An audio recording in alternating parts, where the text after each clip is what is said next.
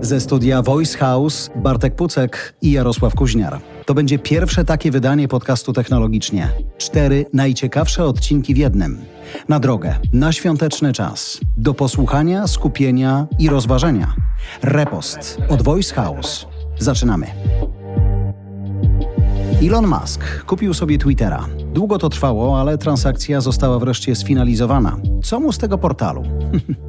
Bądź mądry i przejrzyj Muska, ale niezależnie od tego, w naszej audycji, zaraz po ogłoszeniu planu przejęcia Twittera, rozmawialiśmy z Bartkiem o kwestii wolności słowa i algorytmów. Tak myślę sobie, że jeżeli Musk ma tyle pieniędzy, chodzi i chce kupować to i owo, to może byśmy pogadali, że mamy dobre podcasty do sprzedania. Nie wiem, czy byłby nimi zainteresowany, ale dobrze siedzą na Twitterze.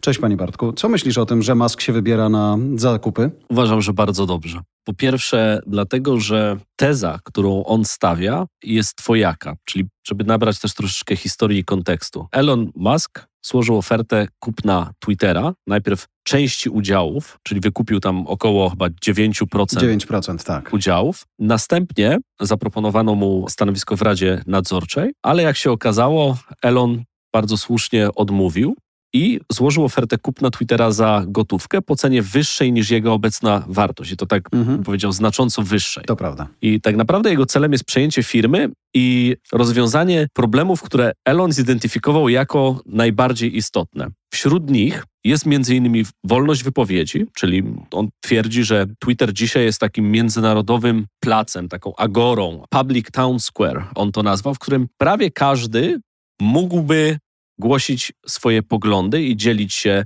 swoimi doświadczeniami i opiniami, ale uważa, że kierunek, e, w którym Twitter poszedł jako firma i jako usługa, sprawił, że to miejsce jest cenzurowane i ograniczone, czyli że ten Twitter przez wielu jest postrzegany jako przestrzeń publiczna, gdzie wolność słowa, jego zdaniem, powinna być gwarantowana prawem, a cenzura w szczególności cenzura algorytmiczna, która charakteryzuje serwisy, w szczególności platformy social mediowe, jest odbieraniem tego prawa. Natomiast w tym całym układzie jest jeszcze Twitter jako firma i produkt, jakie ma i tak dalej, i tak dalej. Trzeba pamiętać, że ta 38% premia w stosunku do ceny zamknięcia Twittera niedawno została odrzucona przez Radę Nadzorczą Twittera i w odpowiedzi zastosowano tak zwany poison pill, czyli trującą pigułkę, aby utrudnić Maskowi przejęcie tej firmy. I ten poison pill to jest taki rodzaj transakcji, w której chodzi o to, żeby zamiast pozwolić na zakup firmy po wyższej cenie, a zarząd czy rada nadzorcza firmy wybiera strategię, która w mojej opinii szkodzi obecnym udziałowcom, mianowicie rozwadnia udziały po to, żeby tych udziałów było więcej, natomiast firma, żeby była trudniejsza w przejęciu. No i oczywiście pytanie, czy to się skończy tym, że Elon porozmawia z jednym i drugim swoim przyjacielem i jednak złożą ofertę przejęcia większości. Natomiast trzeba pamiętać, że tak naprawdę tutaj osią dyskusji nie jest sama kwestia transakcji, jej przeprowadzenia, ale tego, jak spiera się moim zdaniem fundamentalna dzisiaj dyskusja w internecie o tym, czym jest wolność słowa oraz czym jest tak zwana suwerenność osobista, czyli takie pojęcie, które się nazywa sovereign identity w internecie. Z przyjemnością o tym pogadajmy, bo tak jak mówisz, nie wiemy jak się to skończy. Nagrywamy naszą audycję 19 kwietnia. Różnie może być. Natomiast rzeczywiście to, o czym powiedziałeś w kontekście pomysłu Maska na Twittera i w kontekście tego też, jak zareagowały choćby duże media czy ich przedstawiciele na pomysł, żeby, wszyscy cytują moich ulubieńców z porannego Morning Joe w MSNBC, czyli Mikę Brzeziński, córkę profesora Brzezińskiego, siostrę naszego ambasadora Brzezińskiego tutaj, a jednocześnie także Joe Scarborough, którzy powiedzieli w Morning Joe, że Elon Musk wants to control what people think, a to my mamy do tego pełne prawo. Ja rozumiem, że duże media rzeczywiście mogą czuć się zagrożone. Ostatnio w kontekście Twittera też czytałem wystąpienie naczelnego New York Timesa, który powiedział: Słuchajcie do swoich dziennikarzy, dużo was tam, a mało was na robocie, więc ograniczcie bycie tam, nie będziemy was rozliczać z tego, jak często tweetujecie, bo chcielibyśmy, żebyście robili dobre teksty. Więc to jest też trochę tak, że te duże media korzystają, Facebook, Twitter, YouTube, cokolwiek takiego, do budowania swoich zasięgów w przestrzeni internetowej, ale właśnie, wracając do granicy słowa. Czy ta granica jest do ustawienia, Twoim zdaniem? Pytanie oczywiście, co jest definicją wolności słowa. I to jest fundamentalna rzecz, dlatego że jeżeli wrócimy do, tej, do Twojego cytatu Mm. związanego właśnie z mediami, czy media stoją na straży wolności słowa dzisiaj, albo czy wszystkie media, oraz czy tak naprawdę media, niezależnie od tego, czy mówimy o telewizji, radiu, czy platformach social mediowych dzisiaj, a być może to jest domena mediów, jeżeli spojrzymy na to historycznie, że służą tak naprawdę do Zarabiania pieniędzy. zarabiania pieniędzy oraz określaniu tak zwanych zachowań stadnych, tak? No bo trzeba pamiętać, że Co wypada, co nie, tak? tak, no, tak naprawdę bardzo często media w rozumieniu napędzane też tym modelem reklamowym, modelem biznesowym, zasięgowym, opartym o kontrowersje, opartym w szczególności o negatywne uczucia, trzeba pamiętać, że dla wielu mediów, ja nie mówię, że dla wszystkich, tak, albo dla wszystkich dziennikarzy, bo to też tak nie jest i trzeba uważać z tego typu ogólnieniami, natomiast trzeba pamiętać, że przechodząc przez życie,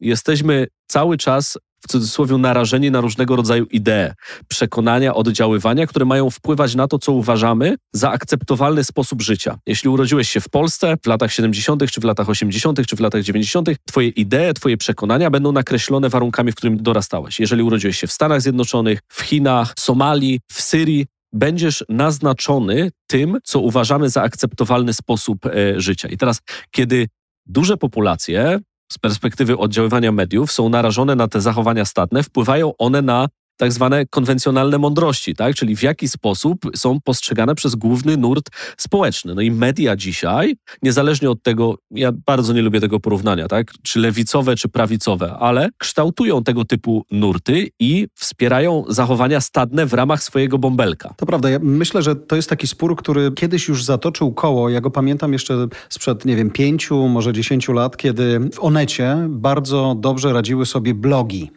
Był konkurs blog roku i tak dalej, i tak dalej. I ta sfera blogerska w Polsce, dzisiaj trochę influencerzy ją zagarnęli, ale ta blogerska była taką sferą, która była amatorska. Było tam dużo wolnej Amerykanki. Pamiętam Jacka Żakowskiego z dużych mediów, polityka, TOK FM i tak dalej, który mówił, że to w ogóle jest środowisko, które nie powinno istnieć, że tak naprawdę są niewiarygodni, że on i za nim stoi redakcja, więc on nie jest w stanie popełnić jakiegoś tam błędu, a w tym samym czasie bloger może napisać wszystko i nie poniesie żadnej konsekwencji. I teraz y, myślę, że być może oczywiście ten spór, czy to myślenie o tym, co wolno ci na Twitterze, a czego nie wolno ci chociażby w Morning Joe, jest trochę o tym, nie? Coś nam się tutaj zaczyna kroić i rośnie. My wydajemy tyle i tyle pieniędzy na to, żeby nasza telewizja działała. Oni właściwie mogą napisać wszystko bez żadnej konsekwencji, nie są nigdzie zrzeszeni, nie odpowiadają, a my przecież odpowiadamy całą redakcją. Brzmi mi to podobnie, to znaczy jakaś taka granica rzetelności i wiarygodności, ale mówię, że ten spór blogersko-żakowski, powiedzmy, jest sprzed lat. Dzisiaj tak naprawdę też wiemy, że gdyby Mika Brzeziński odeszła z tego MSNBC na przykład, albo Joe Scarborough odszedł z MSNBC i założył sobie newsletter na Substacku, to w sumie wszedłby trochę w buty tego blogera. I za nim jego społeczność mogłaby pójść, a on mógłby tam pisać wszystko bez żadnej konsekwencji. ale należeliby wtedy do innego plemienia. A, A tak okej. naprawdę wszystko tutaj chodzi, czy chodzi głównie tutaj o to, w jaki sposób część osób identyfikuje się z plemionami, jak się porusza pomiędzy tymi plemionami. Zobacz, że te zachowania stadne, one występują wtedy, kiedy te grupy plemienne próbują wpływać na to, co jest akceptowalną taką mądrością. Tak? Czyli jeśli jesteś z mojego plemienia, to albo ja jestem w tym plemieniu, to to jest aktualną mądrością.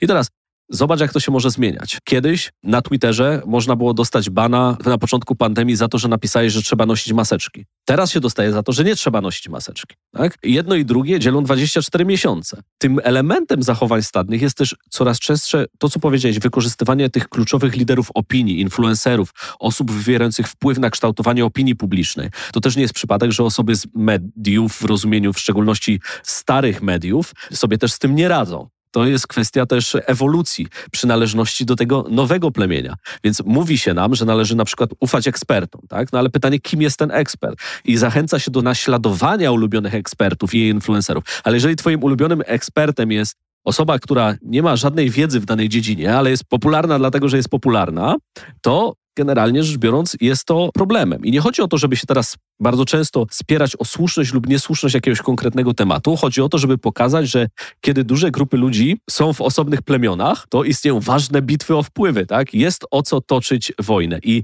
to, co najbardziej wkurza w Elonie Masku jest to przede wszystkim, że ten gość ze wszystkimi wadami i zaletami, dzisiaj jest osobą, która posiada tą suwerenną osobistość.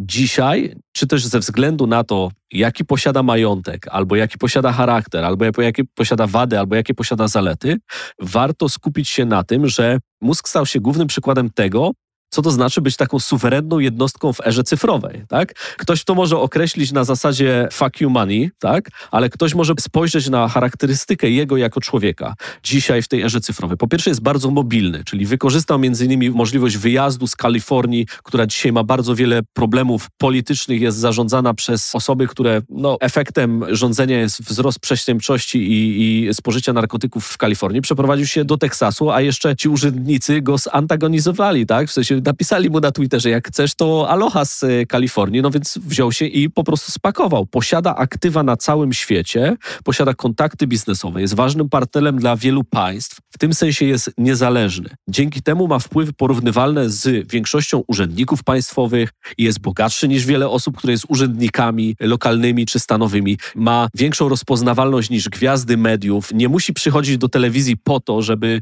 zyskać jego atencję, jest jednocześnie kochany i nienawidzony przez wielu. I teraz dzisiaj, jeśli wierzyć Maskowi, on chciałby, aby to główne forum, Twitter, czyli to główne publiczne forum, stało się miejscem, które wspiera wolność wypowiedzi, ale też wolność technologii. I teraz oczywiście pytanie, co za tym stoi i jakie mogą być tego efekty. No właśnie o tym myślę, nie? Bo teraz gdzie jest ta granica, po której jednak my umownie spuszczamy ze smyczy ten algorytm, który mówi basta, nie? Czy jeżeli znowu będzie dochodziło do, nie wiem, zamieszek na Kapitolu, to pozwalamy mówić wszystko wszystkim, niezależnie od tego, co się stanie, bo dbamy o to, żeby to free speech było e, niezachwiane.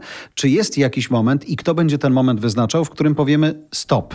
Tak samo jak teraz. No, wydawało się, że ani Facebook, ani Twitter przy okazji życia jako prezydenta Stanów Zjednoczonych Donalda Trumpa nie będą w stanie postawić mu granicy, ale przyszedł moment, w którym jednak zdecydowały się dosłownie zamknąć mu usta. Dlatego zbudował własną platformę. Stąd pytanie, dlaczego Musk miałby to robić lepiej niż Jack, czyli aktualny szef Twittera, czy tam prawie szef. Twitter jako produkt to jest w rzeczywistości szereg takich mikrousług. Mhm. Jest z jednej strony usługa użytkownika, czyli wyświetlanie rzeczy na osi czasu, czyli ten swój feed, który widzimy na Twitterze.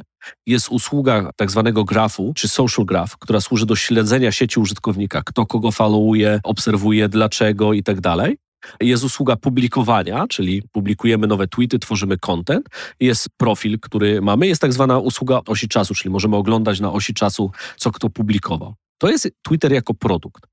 Teraz Twitter jako biznes, trzeba pamiętać, że jest biznesem, no, który w ciągu ostatnich 19 rund finansowania, 19 rund finansowania zebrał 4,4 miliarda dolarów. W tym czasie firma straciła łącznie, czy wykazała stratę w okolicy 860 e, milionów dolarów w trakcie swojej działalności. I teraz w tym czasie ze wszystkich okresów kwartałów tylko 14 przyniosło zysk. Jeżeli patrzymy na Twitter jako biznes, który jest wyceniany na kilkadziesiąt miliardów dolarów, można zakwestionować, dlaczego na tyle jest wyceniany.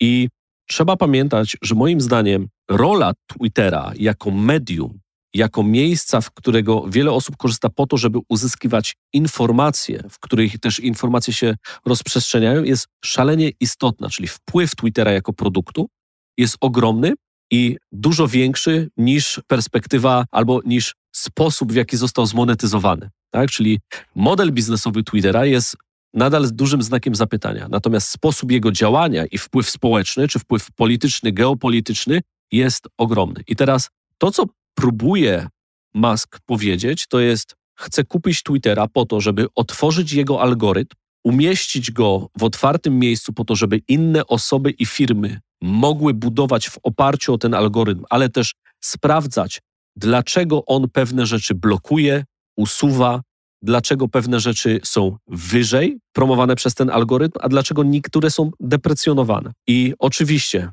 można powiedzieć, to nie jest takie proste, ponieważ zachowania ludzkie zarządzane przez algorytm są bardzo trudnym zadaniem, ale taka jest jego obietnica, że Twitter podąży w tym kierunku, otworzy swój algorytm, sprawi, że na koniec dnia będzie on wspierać wolność słowa, ale jednocześnie pozwoli go opracowywać w taki sposób, że będzie on lepszy dla swoich użytkowników. Oczywiście, wtedy wchodzimy też w dyskusję pod tytułem: A co to znaczy ta wolność słowa?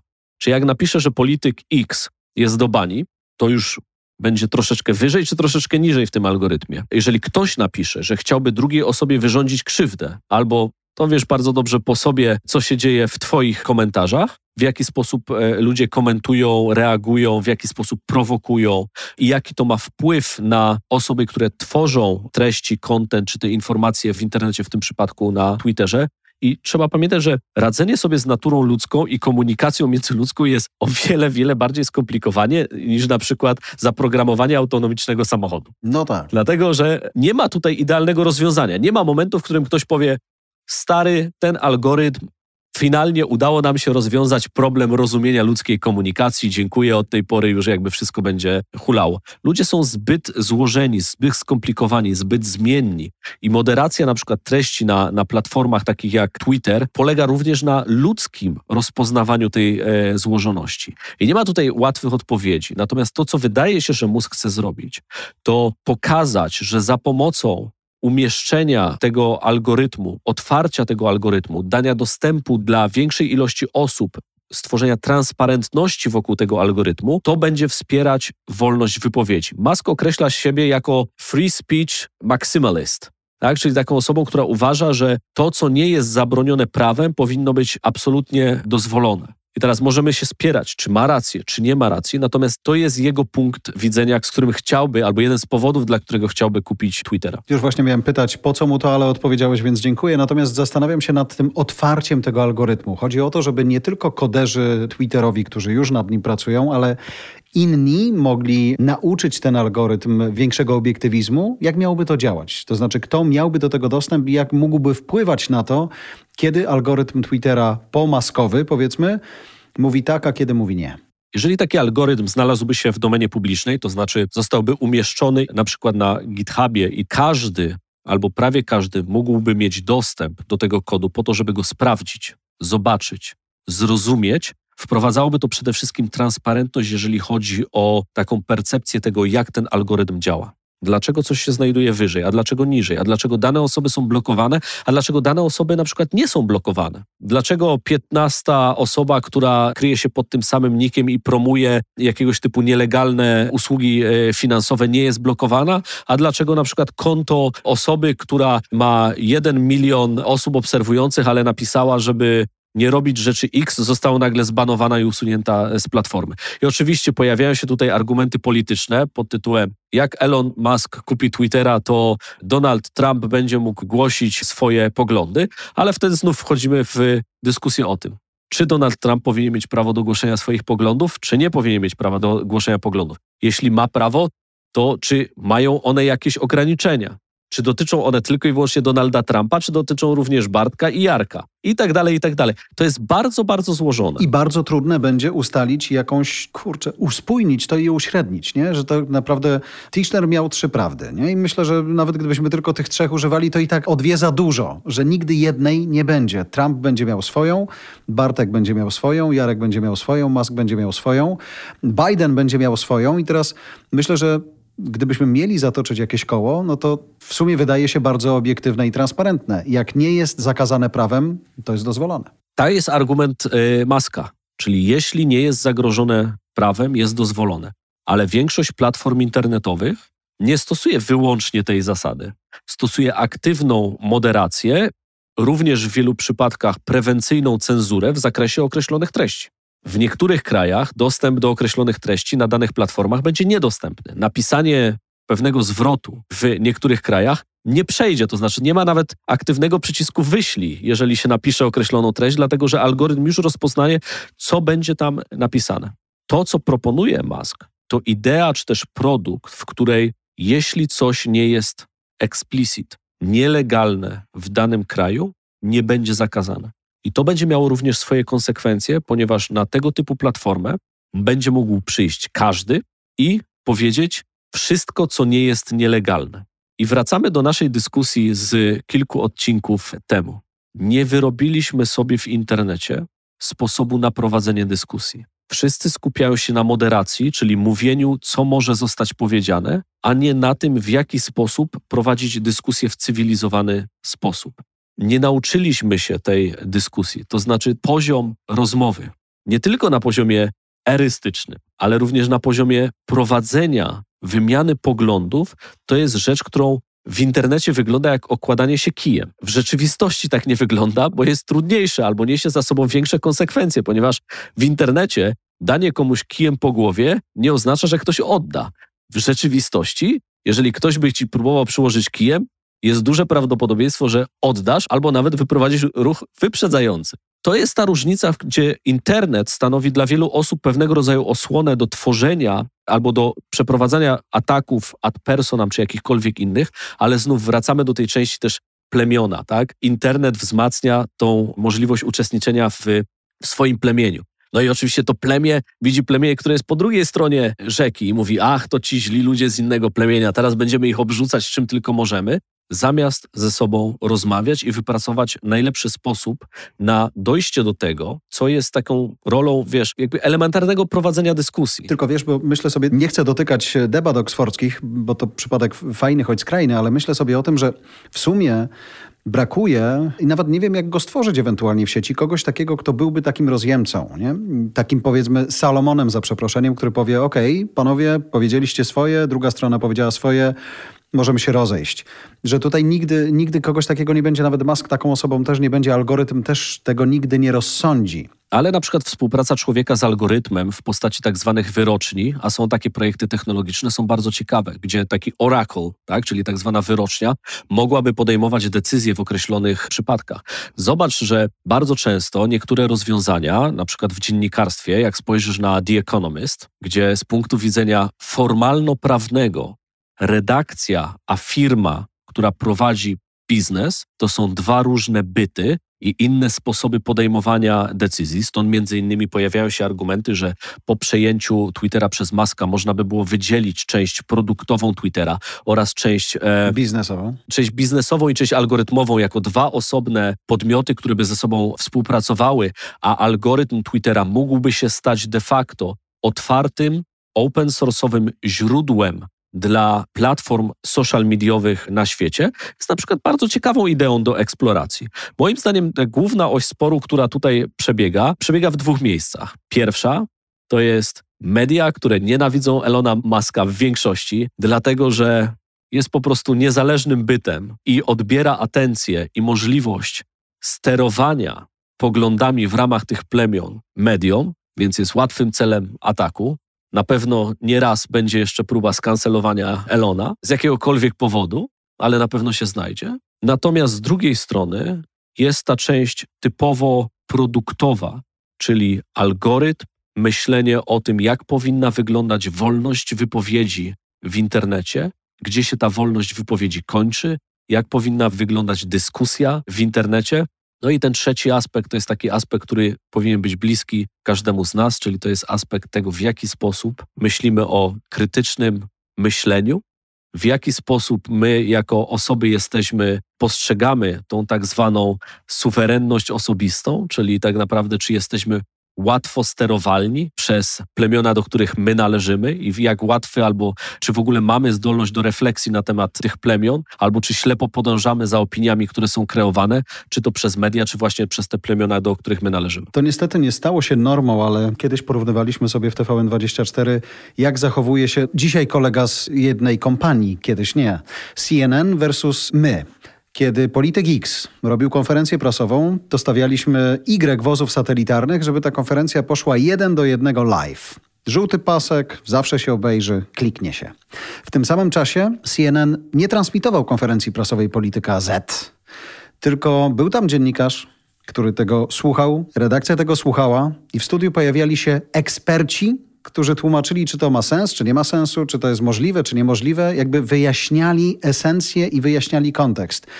Dawali wiedzę w jakimś sensie. Jasne, że oczywiście była przez ich mózgi przefiltrowana, przez ich rację była ubrana, ale jednak to miało służyć temu, żeby nie ogłupiać albo przynajmniej nie, no w jakimś sensie też nie antagonizować. Nie? Czyli dajemy głos ekspertom, a nie dajemy głosu politykom, bo jedni i drudzy mają zupełnie inny cel w swoich wypowiedziach ale ten balans pomiędzy jednym głosem a drugim, czyli polityka, który powinien być w teorii w służbie społecznej dla swoich obywateli. Rozmarzam się, poczekaj. Mhm. Versus na przykład eksperci, którzy potrafią w krytyczny sposób zastanowić się nad tym, czy danego typu propozycje mają słuszność lub nie.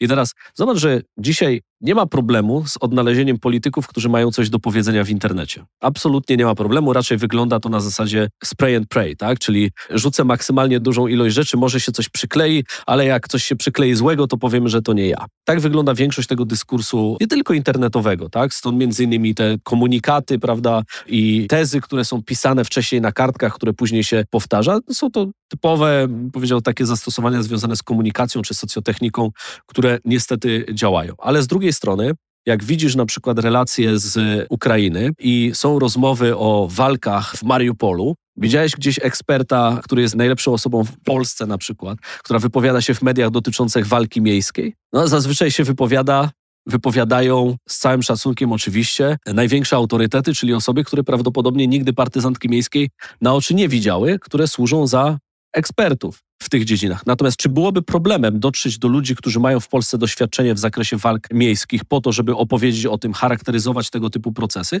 Nie byłoby problemu. Zobacz, że dzisiaj na przykład, i to jest też związane z kulturą mediów, i ona jest różna w różnych e, krajach. BBC absolutnie znajdzie najlepszego eksperta brytyjskiego w zakresie partyzantki miejskiej, znajdzie najlepszego eksperta w zakresie autonomicznych samochodów, zaprosi go do siebie, da mu czas antenowy po to, żeby wytłumaczył czy spojrzył jeden lub drugi ekspert krytycznym okiem na dane zagadnienie, ponieważ rolą mediów, czy też rolą w ogóle obecności w internecie, czy obecności mediowej tego typu osób, zarówno dziennikarzy, jak i ekspertów, jest tłumaczenie skomplikowanych zagadnień w prosty sposób, ale jednocześnie pokazywanie więcej niż jednego wymiaru danego problemu, ponieważ większość problemów ma więcej niż jeden wymiar. Są zazwyczaj trudne decyzje do podjęcia.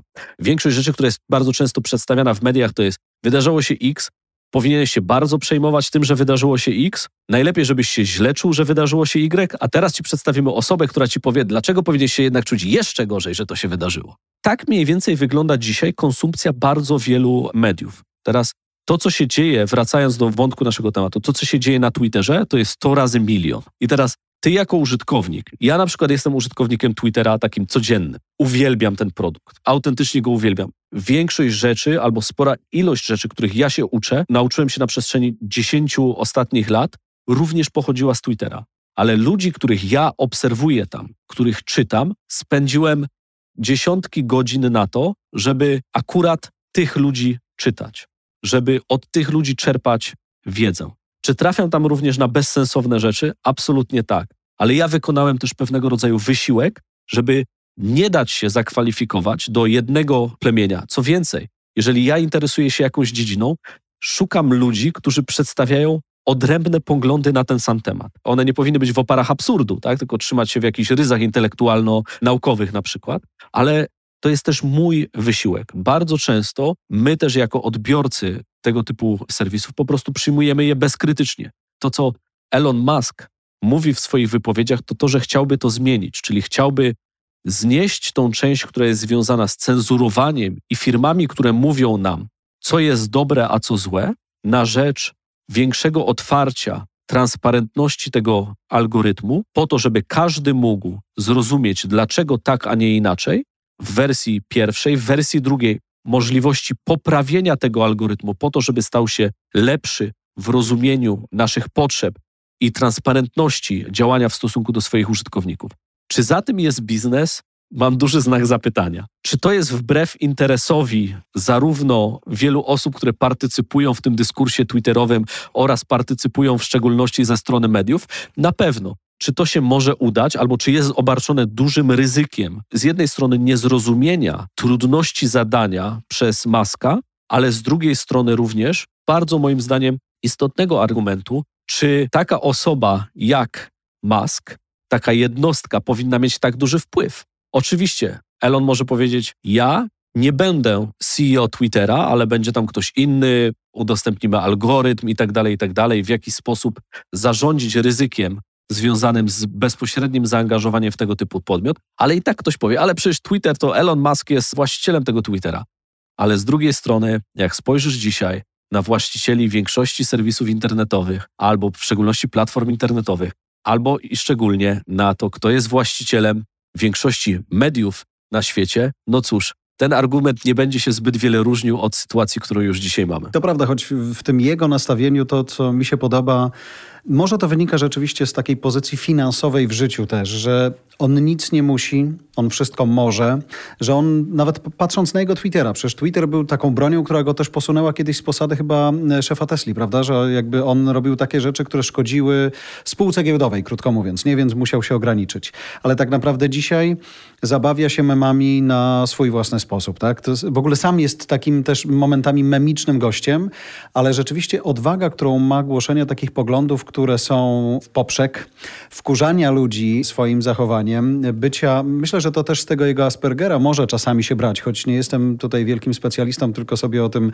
czytam i obserwuję przyjaciół, którzy z Aspergerem żyją, że jakby on nie ma nic do stracenia i on ma zupełnie inne nastawienie na cel niż nam się wszystkim wydaje, więc on zupełnie co innego robi. Jak wchodzi na scenę Ostatnio z Karą Swisher gdzieś go słuchałem, no to rozmowa może trwać 30 minut. Ja wiem, że tak naprawdę jest 10 minut takiego konkretu, bo po drodze on się musi zebrać, w bardzo specyficzny sposób się wypowiada, ale rzeczywiście jest w tym coś takiego, że ja wam mogę to zrobić tak, jak ja bym chciał i wy możecie krzyczeć na mnie, ale w ogóle mnie żadne wasze szczekanie nie dosięgnie. I to jest zajebista pozycja, tak myślę sobie.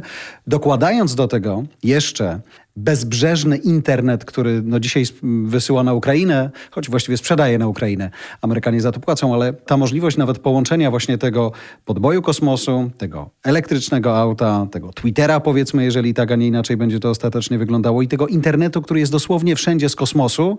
Zobacz, jakie piękne kombo. Jeżeli ja miałbym wybierać pomiędzy Elonem Muskiem jako founderem Tesli, jako founderem SpaceX, z jego co-founderem PayPala, z jego track recordem, w kontrze do obecnych współwłaścicieli, współudziałowców Twittera, na które składają się różnego rodzaju postacie, w tym szemrane postacie reprezentujące fundusze z różnych krajów, którym prawa człowieka niekoniecznie są bliskie. I patrząc z perspektywy wielu lat, w jaki sposób Twitter był zarządzany, bardzo chciałbym, żeby ta transakcja doszła e, do skutku, ponieważ ja głęboko wierzę w builderów, tak? ludzi, którzy lubią budować rzeczy i Twój argument dotyczący jego. Ja wracam cały czas do tej idei, bo jest ona mi bardzo bliska. Tej suwerenności osobistej, tej własnej, wewnętrznej, osobistej niepodległości, która sprawia, bo to nie jest tylko i wyłącznie argument pod tytułem mam fuck you money, tak? I teraz dzięki temu mogę robić co chcę. Takich ludzi jest na świecie wielu. Chodzi o to, żeby mieć tą możliwość. Ona nie jest powiązana bezpośrednio e, albo wyłącznie z pieniędzmi. Żeby mieć tą możliwość bycia suwerennym jako jednostka, myślę, że tego typu trend jest coraz bardziej obecny i popularny, ponieważ w kontrze do niego masz cały czas argument o to, że będziesz musiał albo będziesz wciągany w spieranie się o słuszność i niesłuszność jakiegoś konkretnego tematu. Chodzi o to, że cały czas ktoś będzie próbował cię wciągnąć w kolejne plemię, do którego powinieneś przynależeć. A możliwość nienależenia do żadnego plemienia, tylko zachowania niepodległego, trzeźwego myślenia jest moim zdaniem jedną z takich fundamentalnych rzeczy, na które każdy z nas powinien pracować. Inaczej damy się wciągać w kolejne plemiona, które będą nas chciały sterować trochę bardziej w lewo, trochę bardziej w prawo, ale na pewno w czyimś interesie zamiast w naszym własnym w jakim sensie musi być, czy powinno być nas na to stać, choć tak jak mówisz, i to dla mnie ważne rzeczywiście, że czujesz, że niekoniecznie chodzi o, pięknie to nazwałeś, fuck you money, tak? Czyli ja nie muszę być wcale Elonem Muskiem finansowo, ale mogę mieć na tyle odwagi w sobie, na tyle determinacji w sobie, że nie muszę być konformistą. Absolutnie. Wiesz, mnie ten temat jest bardzo bliski jakby tak filozoficznie, tak? To znaczy co roku, kiedy mam taką refleksję dotyczącą, co w następnym roku, to zawsze na tej liście punkt numer jeden to jest posiadanie tej intelektualnej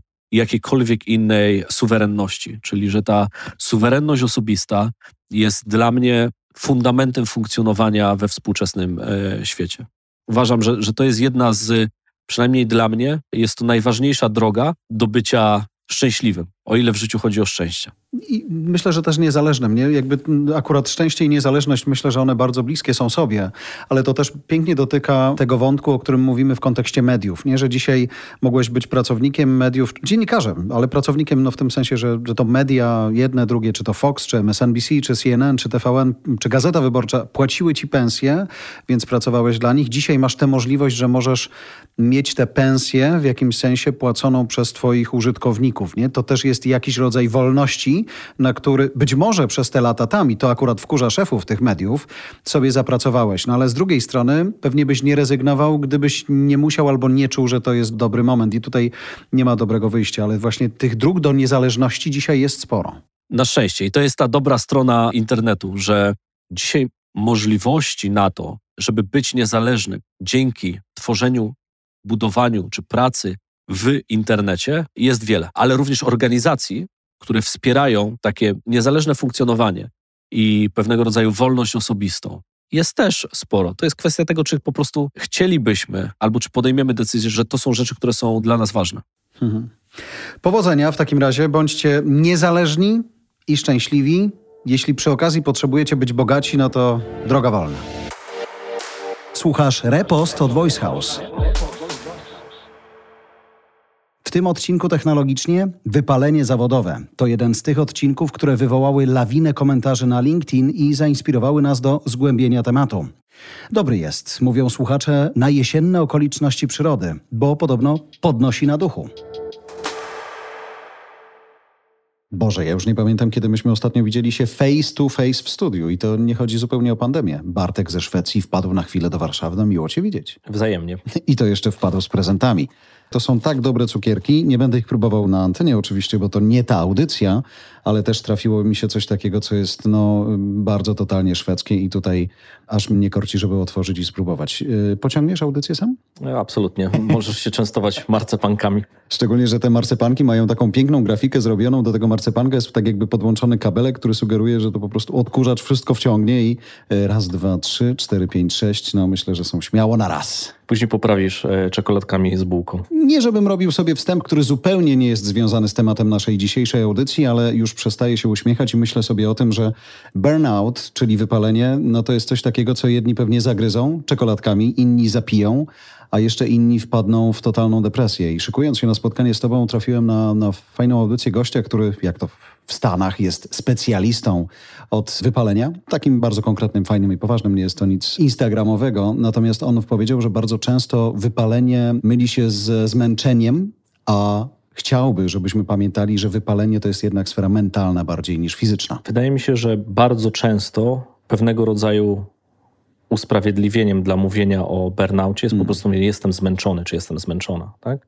Ale tak naprawdę jest to coś dużo bardziej poważniejszego. To znaczy e, ten burnout, oczywiście my nie jesteśmy tutaj ekspertami, lekarzami w, no tak, w tym tak, zakresie, tak, tak ale tak, rozmawiamy sobie o tym, co widzimy po sobie, co widzimy po otoczeniu, co widzimy po branży technologicznej, która na ten e, burnout jest jednak e, narażona ze względu mm. na typ pracy, sposób pracy i tempo pracy i to absolutnie się zdarza, to trzeba pamiętać, że ten burnout no jest jednak e, zmęczeniem, które jest jakby jednostajnym rytmem, tak, który jest obecny w ciągu każdego naszego dnia i ma realny wpływ nie tylko na naszą produktywność, ale w ogóle nasze samopoczucie i to takie samopoczucie i fizyczne, i psychiczne. Weekend nie wystarczy, żeby się zresetować. Zdecydowanie prawda? nie. Nawet czasem więcej czasu nie wystarczy na to, żeby złapać jakiś balans. Ja rzuciłem ten temat nam na stół, dlatego że właśnie branża technologiczna jest y, narażona na ten burnout, mam wrażenie, bardziej niż być może inne, ale dwa, sami jesteśmy jednak w takim bardzo dużym... Yy, no nie wiem, tak jak, jak e, słuchacze może o tym jeszcze jakoś szczegółowo nie wiedzą, ale jesteśmy w takich momentach przełomowych. Mam wrażenie, że ty inaczej sobie sprawę układasz, ja też inaczej sobie sprawę układam i ta koncentracja, która jest większa niż kiedykolwiek, e, no to powiem ci, że to jest jakieś tak, ja przynajmniej po sobie widzę e, duże i permanentne jednak zmęczenie mimo wszystko. Y, bo ten burnout w biznesie własnym, on chyba trochę w innych momentach przychodzi niż na przykład taki burnout korporacyjny, kiedy to nie ty masz wpływ na wiele rzeczy, tylko ktoś za ciebie w wielu sprawach decyduje. On może mieć inne formy i może być inaczej rozłożony w czasie, ale też y, zobacz, jakie mogą być przyczyny, bo rozmawialiśmy sobie w grudniu mm. o tym, jak w kolejnym roku robić mniej, albo jak pewne rzeczy robić inaczej. Ten grudzień jest takim miesiącem refleksji, tak? Mm -hmm. który widzimy, ile rzeczy sobie obiecaliśmy w styczniu, e, tego samego roku, które z tych rzeczy się wydarzyły, a które nie. E, I przychodzi taki rachunek sumienia i sobie mówimy, och, nad tymi rzeczami pracowałem zbyt ciężko, nad innymi rzeczami e, nie, ponieważ gdzieś tam uciekły. Ale trzeba pamiętać, że tak naprawdę głównym powodem, dla którego możemy być wypaleni i zmęczeni, jest przede wszystkim brak czasu i stres ponieważ stres bierze się zazwyczaj z poczucia braku czasu, czyli mhm. chcemy zrobić więcej, ciągle nam brakuje czasu, siedzimy dodatkowe godziny, siedzimy po godzinach, siedzimy w nocy, siedzimy bez przerwy, mówimy sobie wiele rzeczy o ergonomii pracy, o produktywności, ale później wpadamy w pewnego rodzaju ciąg i z braku czasu który czasami może wynikać ze złego planowania, czasami może wynikać ze środowiska, z otoczenia, z firmy, w której pracujemy, z organizacji, z efektywności lub nieefektywności zespołu, z tego, z kim pracujemy, kto jest naszym szefem. Być może to środowisko pracy też ma bardzo negatywny wpływ e, na nas, ale tak naprawdę głównym odczuciem związanym ze stresem jest to odczucie związane z brakiem czasu. Mhm. Ciągle brakuje nam na coś czasu, co wywołuje u nas jeszcze bardziej dodatkowy stres, co później wywołuje jeszcze więcej pracy musimy zrobić. Jeszcze jeden mm. e-mail, jeszcze jedna godzina, a jeszcze dzisiaj zrobię może nockę. Ja mam na przykład tak, tak. och, czegoś tam nie, nie tak, dokończę, to, to ja dzisiaj siądę i zrobię nockę. Ale powiem ci, to wejdę trochę w kulisy naszego programu, myślę, że Bartek się nie obrazi, ale byłem dzisiaj, znaczy uśmiechnąłem się do tego, choć było to dla mnie zaskakujące, że ty mi napisałeś rano, Jestem spóźniony i e, nie zaczynajmy spotkania o dziewiątej, tylko zaczniemy je o 9.30 albo je odwołajmy, bo wiedziałeś, że będziesz miał pół godziny, a miałeś mieć godzinę, nie? Tak. Ale znów nie cyzelowałeś, że dobra, zaczniemy 10 po 15, po, to, to twoje poukładanie było fajne, ale pomyślałem sobie, kurczę, no półcek w niedoczasie, dla mnie to było zaskakujące i, i znów od razu, yy, i nie mówię tego z pretensją, właśnie ten moment dnia już inaczej się zaczyna, nie? Kiedy 100%. coś na początku nie pójdzie, później po prostu jak w dominie to wszystko leci i pogłębiamy ten efekt, o którym powiedziałeś, czyli czyli nie do czasu i złości na to, że to nie jest perfekcyjne tak, jakbyśmy chcieli. Nie? Ja mam tą wadę, czasami zaletę, zazwyczaj wadę, e, czyli jeśli jesteś o czasie, to znaczy, że jesteś spóźniony, więc jeśli się spóźniasz, to już jest w ogóle jakby niedopuszczalna no. sytuacja. Ja jakby później, mnie absolutnie spóźnienie się na przykład wybija mnie całkowicie z rytmu, tak? W sensie mm. nie mogę dojść ze sobą do porządku. Dlaczego na przykład z mojej winy, w dniu dzisiejszym to akurat mm. wypadek na trasie, ale dlaczego z mojej e, winy mógłbym się spóźnić. To znaczy czegoś, coś źle zaplanowałem, czegoś nie przewidziałem i tak dalej. Ale to jest jakby moja, powiedzmy, przywara, która czasami się objawia jako, e, jako atut. Natomiast... Nie, ale mówiliśmy o tym ciśnieniu, które tak, sami sobie jako liderzy absolutnie. nakładamy właśnie, czyli nie spóźnię się, a najlepiej, żebym był przed czasem, a jak coś pójdzie nie tak, to po prostu szlak mnie trafia i w sumie, no okej, okay, być może powinniśmy mieć e, taką umiejętność, żeby spuścić gdzieś w trakcie dnia to powietrze, które jest, ale bardzo często ono zostaje do końca. Zdecydowanie. Zobacz, ja na przykład robię coś takiego, że jak, jak spojrzę na tą swoją agendę mm. tygodniową, to bardzo często łapię się na tym, że moja agenda w ciągu tygodnia wygląda jak próba zrobienia wszystkiego, co chciałbym zrobić w trakcie roku, tylko upchnięcie tego w tygodniu, nie? I ta umiejętność atomizacji pracy jest kluczowa, no bo tak naprawdę patrzysz na jakieś zadanie i chcesz coś stworzyć, chcesz coś zbudować, chcesz coś e, przygotować. E, I no, Chciałbyś to zrobić A jak najlepiej, B jak najszybciej, ale tak naprawdę cały ciężar polega na tym, że musisz tą pracę zatomizować, czyli sprawdzić, dowiedzieć się, jaki jest najmniejszy atom pracy, który możesz wykonać w tym czasie, który autentycznie popchnie ten temat do przodu. Mm. Ale ponieważ bardzo często nakładamy na siebie bardzo dużo tych rzeczy, e, to też prowadzi do takiego zmęczenia i wypalenia. I zobacz, że u podstaw takiego burnoutu, z takiego punktu psychologicznego i w szczególności jeżeli mówimy o branży technologicznej, e, mamy przede wszystkim elementy środowiskowe, tak? I te elementy środowiskowe to może być branża branża technologiczna, która rządzi się swoimi prawami i pewnego rodzaju kulturą pracy, ale też na przykład są rzeczy, które bierzesz e, jako osoba z miejsca, w którym się urodziłeś, tak? czyli takie uwarunkowanie typowo e, kulturowe, ale też przynosisz do stołu pewnego rodzaju niepewności, tak? czyli te insecurities, które masz. I, I to jest takie uwarunkowanie, bym powiedział, środowiskowe. I jeżeli weźmiesz to jeden poziom wyżej, to nagle się okazuje, że do uwarunkowań tych środowiskowych pojawiają się też emocje. I te emocje też są taką sprawą bardzo osobistą oczywistą, dlatego że możesz mieć e, taki, wiesz, syndrom e, dobrego dziecka, jak to się ładnie e, nazywa. Możesz być osobą, która na przykład się obawia konfliktów. Możesz mieć takie podejście, że wszystko jest not good enough, nie? czyli niewystarczające mm. i to jest, to jest bardzo popularna akurat rzecz w branży technologicznej, gdzie bardzo często w niektórych zespołach spotykasz osoby, które są, jak to się ładnie mówi, high performers, albo wszyscy szukają najchętniej programistów czy, czy menadżerów, którzy są 10x, 10x. I generalnie jest taka możliwość znalezienia osób, które przynoszą ci 10 razy większą wartość niż pozostałe osoby na podobnym stanowisku w branży technologicznej. Szalenie trudno je znaleźć, ale to są też osoby, które są narażone na to wypalenie w sposób znaczący. I do tego dochodzi ci jeszcze ta część czysto emocjonalna, tak? czyli funkcjonujesz 365 dni e, w roku w tym środowisku, które jest bardzo stresogenne, w szczególności wtedy, kiedy na przykład budujesz swoją firmę. Tak? Gdzie bierzesz odpowiedzialność i czujesz tą odpowiedzialność każdego dnia, nie tylko za to, co moim zdaniem jest pewnie powinno być łatwiej zarządzalne, czyli zewnętrzna percepcja tego, jak ktoś postrzega Twój biznes, ale przede wszystkim tego, jaką masz odpowiedzialność przed klientami, jaką masz odpowiedzialność przed swoim zespołem.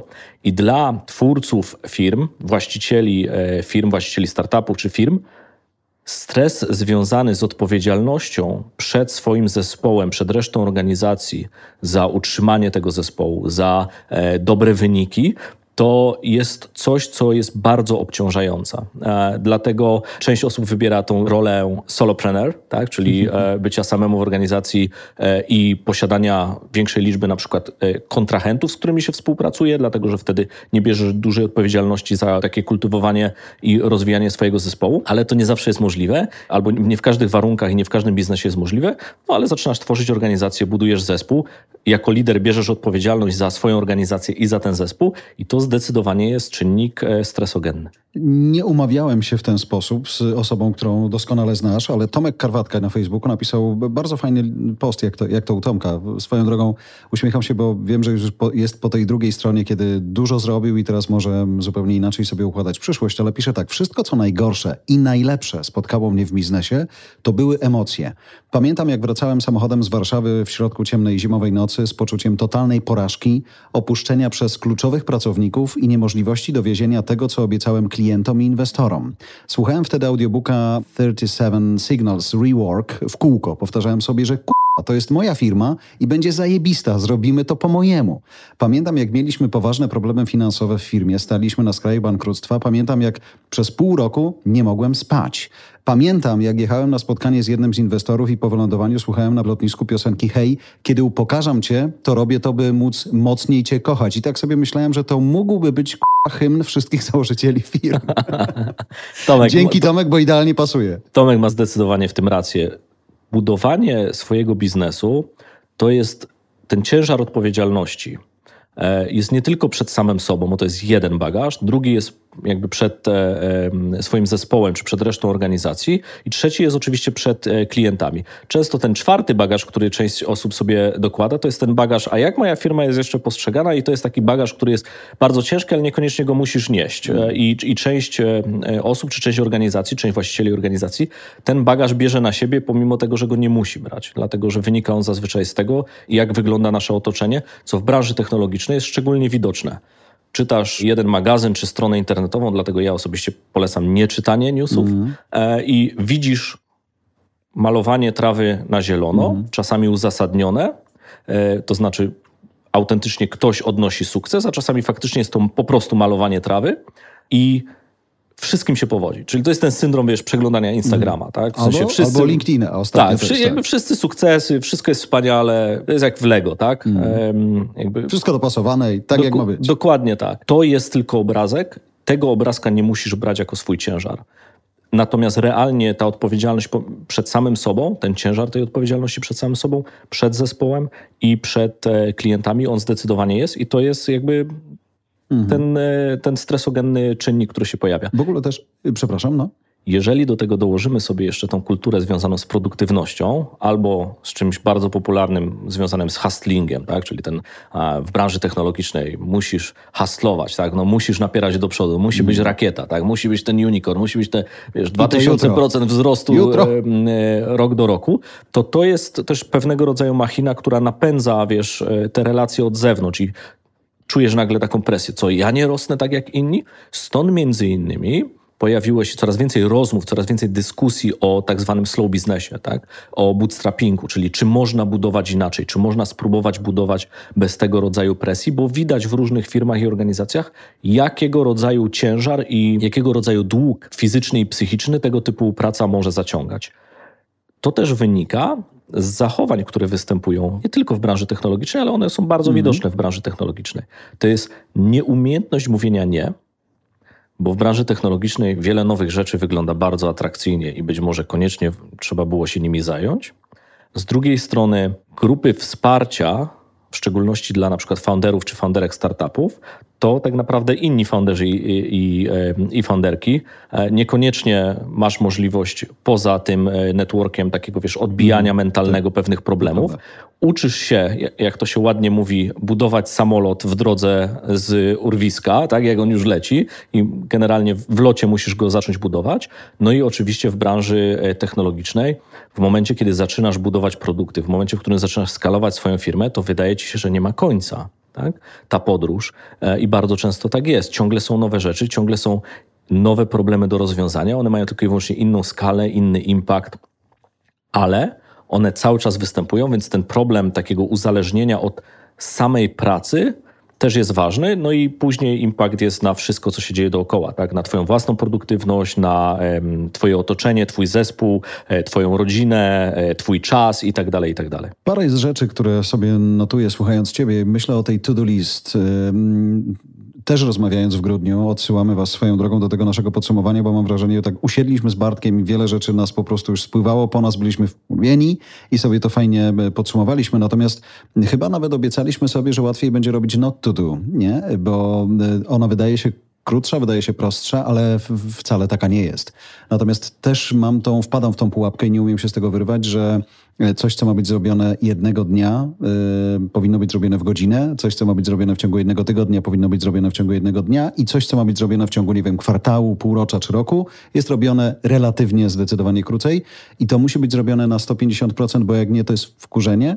I znów doprowadzamy się do tej sytuacji, w której jesteśmy źli na to i próbujemy z tego wyjść, ale mam poczucie, że bardzo często jesteśmy w takim y, zamkniętym kręgu. A druga rzecz to jest ta edukacja, o której powiedziałeś. Uczymy się najczęściej, szczególnie, nie wiem jak to wygląda w Dolinie Krzemowej, jak to wygląda w Izraelu. Choć tam myślę, że to jest trochę bardziej kibucowe doświadczenie, więc jest trochę innych relacji, ale u nas rzeczywiście ta wiedza dla, dla nowych founderów czy młodych founderów y, bierze się od y, starszaków. Czasami to są ci, co z lat 90. zrobili swój biznes, niewiele jest do przełożenia. A czasami od tych, którzy, jak chociażby właśnie zacytowany przed chwilą Tomek, oni swoje zrobili w nowych czasach, dzisiaj robią to inaczej, ale znów y, to też jest tak, że uczysz, no, uczysz się od kogoś na, na jego błędach a musisz też dać sobie szansę na to, żeby popełnić własne i się nie denerwować. Musisz mieć możliwość popełnienia własne błędy. To jest, bym powiedział, nawet e, wskazane, żeby mieć taką możliwość. Wydaje mi się, że tak naprawdę kluczowe jeszcze w tym aspekcie jest też zrozumienie tego, jak patrzysz na definicję sukcesu, czyli na, na rezultat, bo jak masz tą swoją listę to do, mhm. albo jak twój zespół zespół, którego na przykład jesteś liderem, pracuje, on też ma swoje zadania do zrobienia. Więc to nie jest tylko i wyłącznie kwestia indywidualna, to jest też kwestia zarządzania firmą, organizacją, zespołem. To zobacz, jak ważne jest to, żeby patrzeć na tą listę z perspektywy rzeczy do zrobienia i rzeczy, których nie chcesz zrobić, ponieważ wszystkie rzeczy, które chcesz zrobić, jeśli ich nie zrobisz, to, to albo jeśli się zgodzisz na ich robienie, wiedząc, że one są nie do zrobienia, w sensie -hmm. nierealne, no tak. to masz Powiększy ten stres, nie? dokładnie, masz frustrację i stres związany z czymś, co się ładnie nazywa e- overcommitment. I teraz jak jesteś liderem zespołu, do którego napakowałeś rzeczy do zrobienia i ten zespół zgadza się, no bo kurczę, tak. wiecie, szef mówi, no to wrzuta, nie, nie kolejna wrzuta nie, kuźniara. Prawda? Są -hmm. te rzeczy do, e, do zrobienia, natomiast później widzisz efekty, no bo przychodzi lider czy liderka tego zespołu i mówi, jak stoimy z rzeczami. No i się okazuje, że nie stoimy z rzeczami i pojawia się ten element stresogenny wynikający właśnie z overcommitmentu. Tak?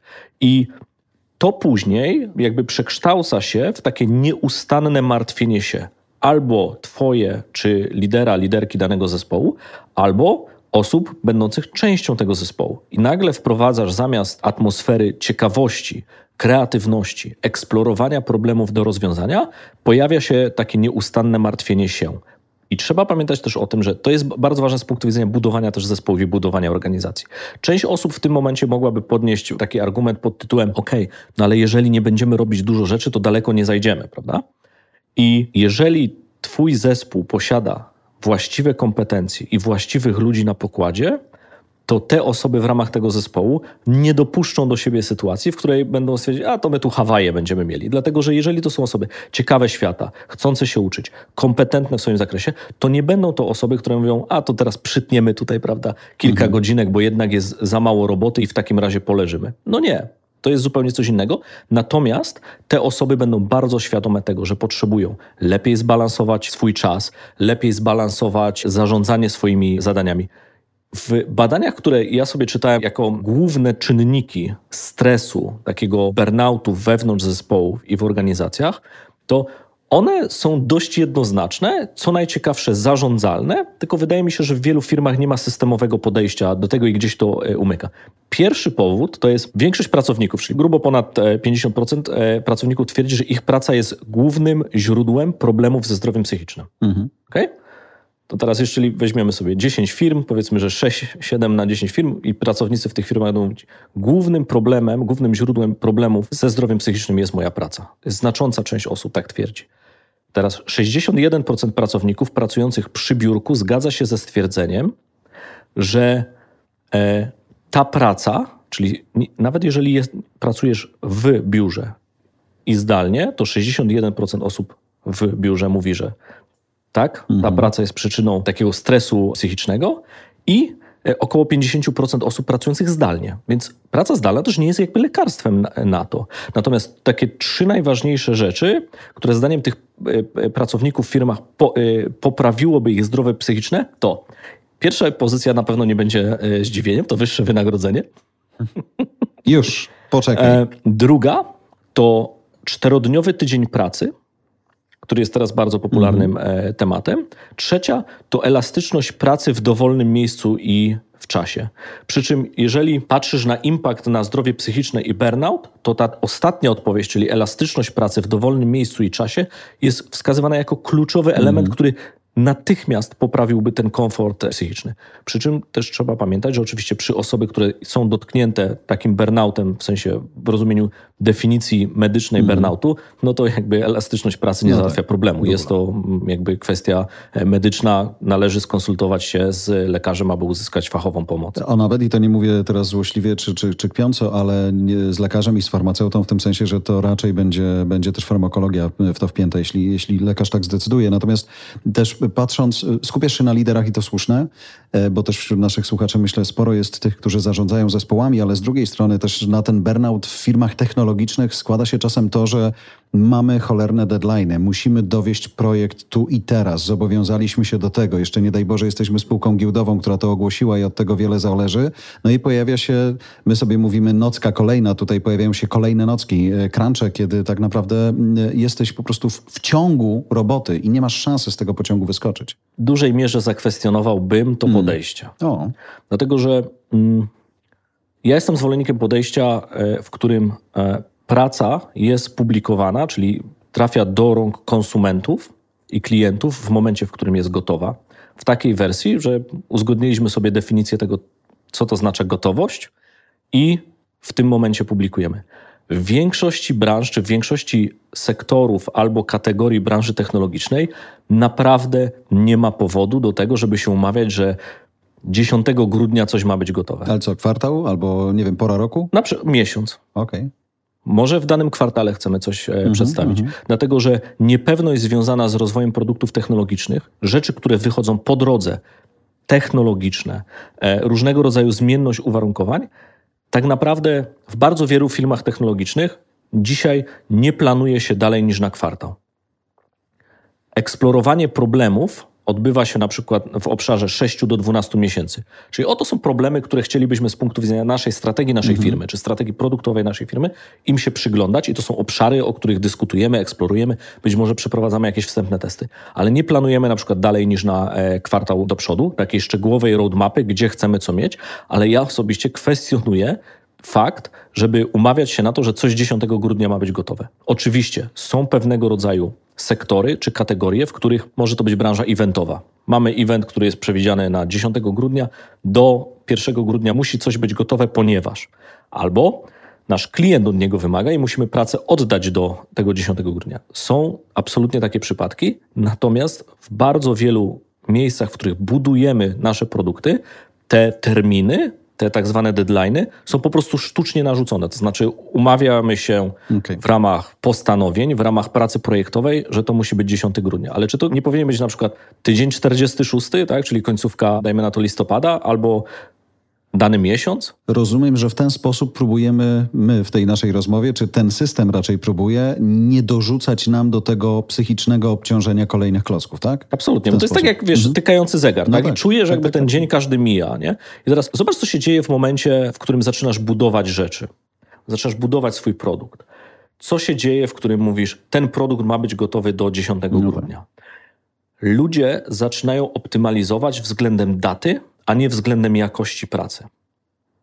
I to jest, to jest, to jest, wiesz, to jest to miejsce, w którym ja się nie tak. zgadzam jakby z punktu widzenia podejścia do tego. No, albo optymalizujemy względem doświadczenia klienta i możemy to zrobić lepiej, możemy to zrobić gorzej, coś nam może wyjść, coś się może nie udać po drodze.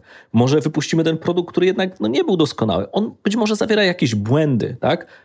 co jest niepożądane, ale trafia się zawsze. Nie da się budować technologii, która nie ma błędów, nie da się budować tego typu produktów. Z tym też musimy być ok.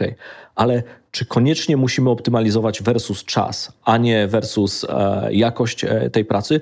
Szczególnie wtedy, kiedy zobacz, że data jest czynnikiem stresogennym i wynika moim zdaniem z błędnego myślenia o tym, co chcemy zbudować.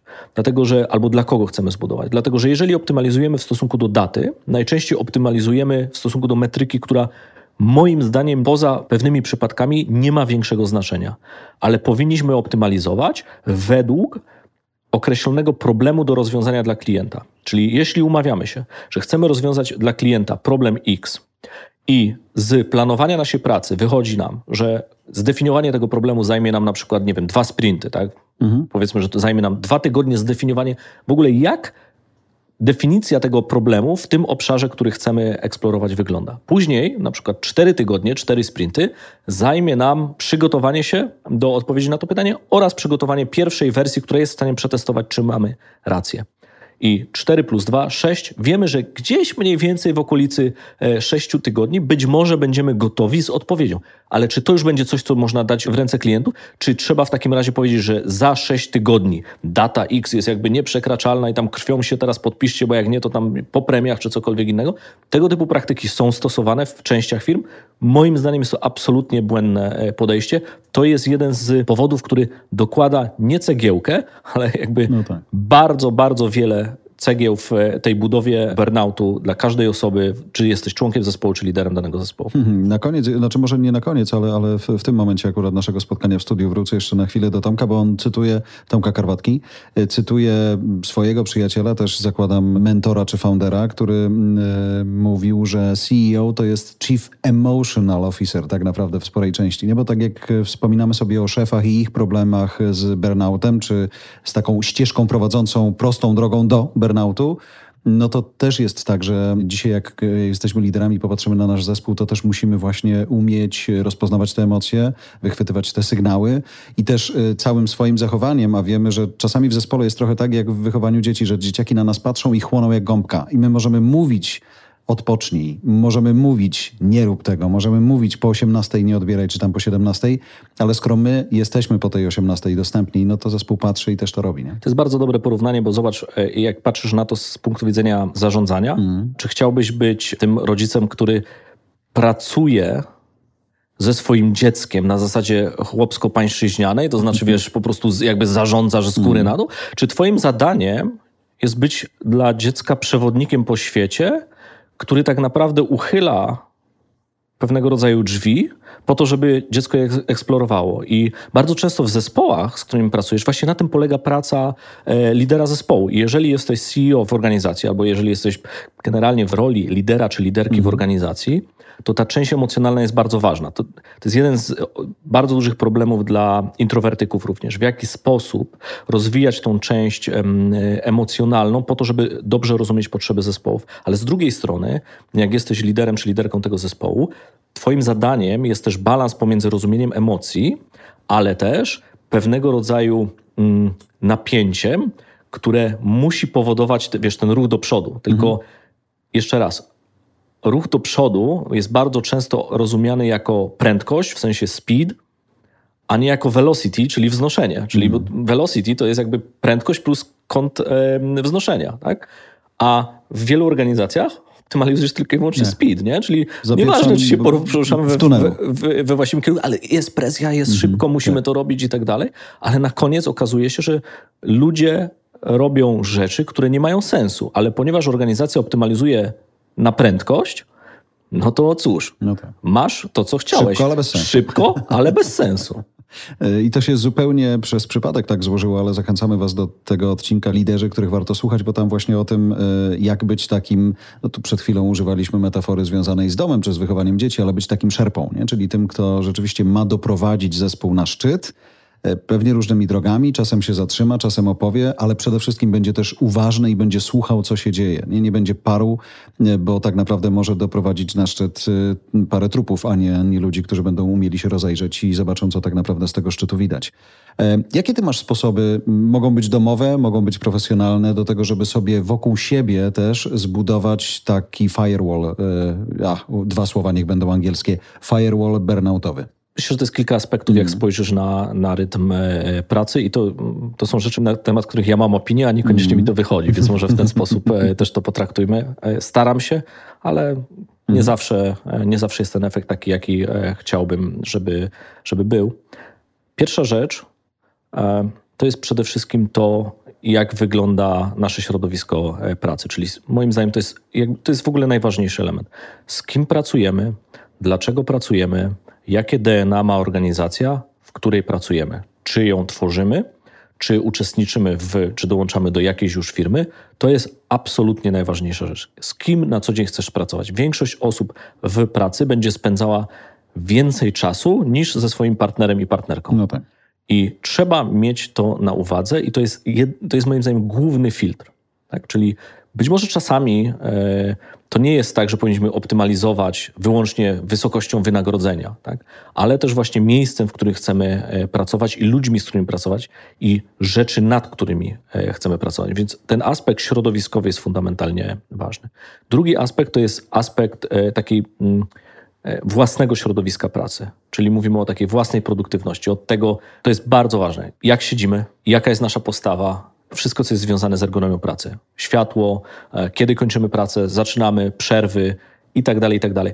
To, co jest związane z ergonomią pracy, jest fundamentalnie ważne. To jakby moglibyśmy nagrać osobny odcinek o tym, jak, powinni, jak powinno się, e, jak powinna wyglądać dobra ergonomia pracy w biurze czy w kontekście pracy zdalnej. Trzeci element to jest element związany z narzędziami, które pomagają nam pracować. Czyli to, czego już jak pracujemy sobie w branży technologicznej, powiedzmy, mamy swój laptop, mamy na nim narzędzia, z jakich narzędzi korzystamy. Dzisiaj w części firm, i to jest bardzo popularne w szczególności dla deweloperów, jedno z pytań rekrutacyjnych, jakie zadaje pracownik do rekrutera jest, a jakich narzędzi używamy? I ktoś powie na przykład e, popularne narzędzie do e, komunikacji popularnej e, firmy technologicznej. I taka osoba, Nice. nie, nie, nie, przepraszam bardzo, ja w takim narzędziu nie będę pracował, to ja dziękuję w takim razie za rozmowę. I dzisiaj rekruterzy mają ogromny problem, dlatego że ten tak zwany stos technologiczny, czyli narzędzia, których e, używa się w pracy, są dzisiaj również elementem przewagi konkurencyjnej, ponieważ jeżeli nie pracujesz z najlepszymi i najnowszymi narzędziami, które potrafią sprawić, że praca na danym stanowisku będzie produktywna, no to kandydat może ci podziękować, tak? Masz, okazuje się, że, nie wiem, e, rekrutujesz do zespołu sprzedaży i nagle się okazuje, że tam CRM, prawda, końcówka lat 90., tak? No to ktoś ci powie dziękuję, ale nie, Nie, ponieważ jasne. dla tej osoby to będzie kara pracować na tego typu narzędziach. Więc ten stos technologiczny jest bardzo ważny i o nim trzeba pamiętać ze względu na własną produktywność, ponieważ bardzo wiele z zadań możemy zautomatyzować. Jest wiele narzędzi, które pozwala automatyzować tą pracę, a niektóre aplikacje czy niektóre narzędzia po prostu są stworzone w taki sposób, żeby zadania, które chcemy wykonać, były wykonywane optymalnie. To jest ten element związany z taką własną produktywnością, narzędziami, których używamy, super ważny. Ale jest też dynamika zespołów, czyli tak zwany team dynamics. Z kim pracujemy bezpośrednio w zespołach i jak wygląda dzień pracy. Wiele osób, przygotowując się do nowej pracy na przykład, e, ma wyobrażenie o tym miejscu, w sensie być może to jest znana marka, firma technologiczna, tam jakieś dodatki można otrzymać, ale na koniec dnia pracujesz i spędzasz przysłowiowe 8 godzin w tej pracy i twój dzień będzie jakoś wyglądał. I teraz jeżeli twój dzień z tych 8 godzin, 6 godzin czy 7 godzin to będą spotkania, być może nie jest to coś, co ci będzie odpowiadać. Znaczy, mam nadzieję, że to nie Są jest coś, co ci będzie odpowiadać. I możesz powiedzieć, Okej, ja tego nie chcę, ale zrozumienie tego, jak będzie wyglądać ta praca, jest ważne. Kolejnym elementem jest to, czy w danym miejscu, w danym zespole, w danej organizacji, w danej firmie, nawet jeżeli ją budujesz, ty i osoby, które uczestniczą, są w Twoim zespole czy są w Twojej organizacji, uczą się. I to uczą się nie w biegu tylko, no, no, no, tak? no. tylko rozwijają Rozsądnie. swoje umiejętności i świadomie zaczynasz projektowa- jakby projektowanie rozwijania tych umiejętności. Większość osób sobie tutaj pomyśli, ok, ale musimy mieć mnóstwo pieniędzy po to, żeby to zrobić. To jest nieprawda. Dzisiaj ilość treści, która jest dostępna za darmo w internecie, po to, żeby podnosić swoje kwalifikacje za darmo albo naprawdę za niewielkie pieniądze, jest ogromna. Można to organizować w różny sposób. Są firmy i zespoły, które ja znam, które organizują sobie book club co tydzień. E, Każda osoba w zespole e, ma, e, czyta daną książkę i później przychodzi i opowiada o tej książce. Później jest dyskusja. Są zespoły, które znam, które na przykład co tydzień przygotowują sobie jedna rzecz, o której na pewno nie usłyszeliście. Tak? I zaczynają rozmawiać w swojej dziedzinie o czymś nowym. Albo jedna rzecz, z którą na pewno się nie zgodzicie. I każda osoba w danym tygodniu, to znaczy nie każda, tylko jedna osoba per tydzień, przedstawia jakiegoś rodzaju argument, z którym wie, że pozostała część zespołu absolutnie się nie zgodzi, a później następuje dyskusja. Można stosować różnego rodzaju formaty w różnych interwałach czasu po to, żeby rozwijać swój zespół. Ale ponieważ optymalizujemy bardzo często na prędkość, a nie na jakość, to brakuje czasu na tego typu rzeczy. Ich świadomie nie projektujemy. I oczywiście mm, ostatnie dwie rzeczy to jest jedna myślenie o rezultatach, czyli w jaki sposób myślimy o tym, co jest kryterium sukcesu z perspektywy balansu pomiędzy zrobiłem to, a nie zajechałem się. Bo oczywiście można osiągnąć sukces w rozumieniu moja firma osiągnęła sukces, ale personalnie dana osoba będzie wrakiem człowieka z fizycznego czy psychicznego punktu e, widzenia i trzeba wiedzieć, gdzie ten balans jest po to, żeby potrafić się odciąć, ale też trzeba mieć tą świadomość, że musisz wokół siebie mieć osoby, z którymi chcesz pracować. Ja na przykład, już teraz być może to jest jakby przychodzi z wiekiem, ale ja jestem już na przykład bardzo świadomy, że w określonych miejscu, czasie i rodzaje, rodzaju współpracy wiem, że z pewnego rodzaju profilami osób albo konkretnymi osobami nie będę pracował nigdy, choćby nie wiem co. Wolę odejść od stołu i powiedzieć dziękuję, ale nie. Nieważne, co jest jakby na stole, ale nie będę tego robił, ponieważ jest to niezgodne z moim myśleniem, z jakimiś moimi zasadami, z tym, co ja na przykład chciałbym budować. I ostatnia rzecz to jest to, co jest związane z konsekwencjami. Budując firmy technologiczne, budując produkty technologiczne, wszystkiego, nasze działania na co dzień mają konsekwencje.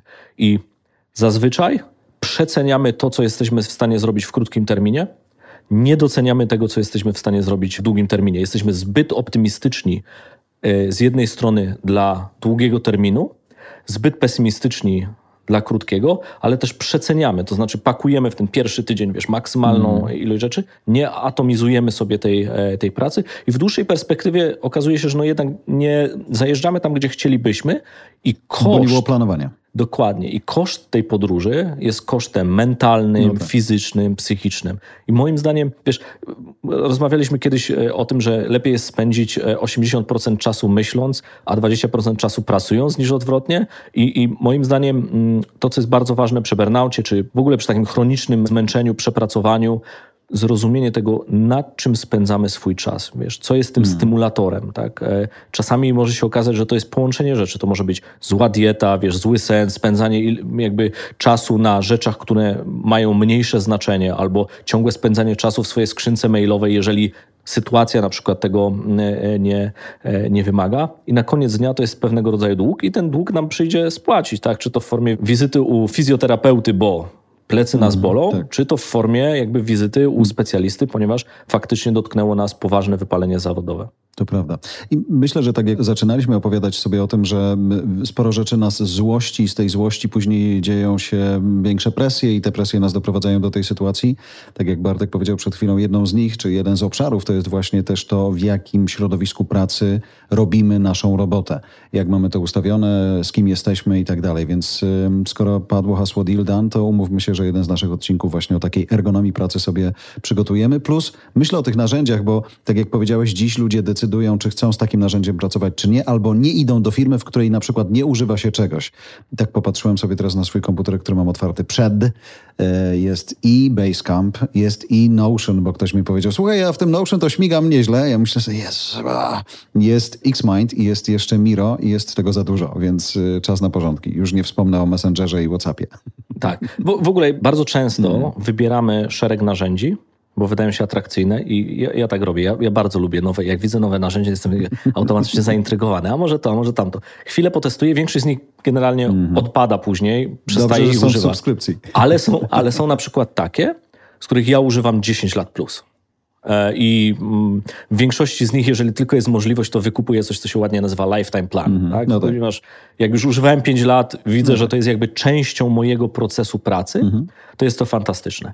Czasami oczywiście są te małe rzeczy, które zrobią różnicę, czyli jak masz te 100 maili w swoim inboxie i wiesz, że na te 100 maili przynajmniej 15 to będzie ta sama odpowiedź, to można zastosować sobie makro, które jakby, wiesz, naciskasz tam dwa klawisze i po prostu wstawia gotową odpowiedź i oszczędza czas. To jest bardzo, No tak. e, bardzo przydatna rzecz, więc są też te małe rzeczy, które możesz zrobić, ale to, co jest moim zdaniem najtrudniejsze, to jest wiesz, zrozumienie, ile tych małych rzeczy się dzieje w ciągu twojego dnia, czy w ciągu twojego tygodnia, ponieważ one na koniec się składają na pełny stos aktywności, nawyków, interakcji z innymi ludźmi, które mają albo pozytywny wpływ na Twoją produktywność, na Twoją przyszłość, na ścieżce, w której jesteś, czy na Twój zespół, czy na Twoją organizację, mogą mieć wpływ neutralny, to znaczy mogą być obojętne w stosunku do tego, czym się zajmujesz, i jest ta rzecz, która ma wpływ negatywny. I ja osobiście wolałbym być, e, e, czy jestem zwolennikiem, po pierwsze, spędzenia czasu na zidentyfikowaniu tego,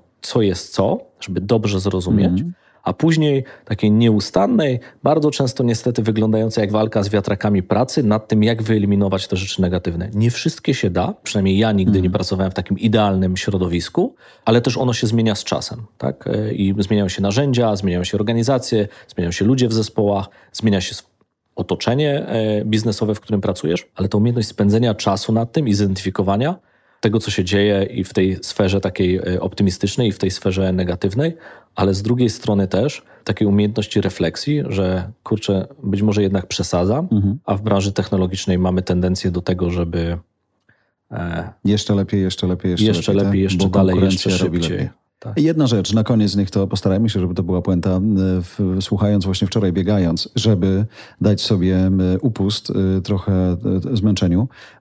Trafiłem też na, na taką niby prostą, prostą historię, ale związaną właśnie z taką sugestią, że powinniśmy siebie też częściej nawet za drobne rzeczy pochwalić. I tu nie mówię o takim tanim głaskaniu Bartka czy Jarka, ale widzeniu też takich sytuacji, które nam po prostu wyszły. Tak? To nie musi być e, wymyślenie rakiety, która nas dowozi na Marsa i wraca wiele razy, ale coś takiego, co e, nam zasugeruje, nie, no nie, nie dałeś.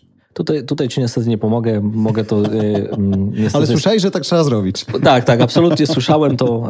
Mo, mogę to tylko spuentować taką refleksją, że u mnie najczęściej to poklepanie się po plecach trwa 10 sekund, e, a później No tak. trzeba e, dalej. I to jest niestety taka rzecz, e, nad którą trzeba pracować.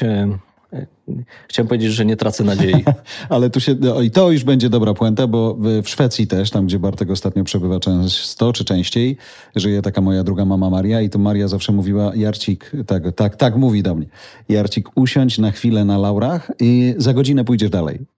No, godzina, myślę sobie, Maria, wiesz, ile to jest czasu? Ale tak, to jest coś takiego, co, co, Wiesz- co próbuję przynajmniej trzymać na ziemi.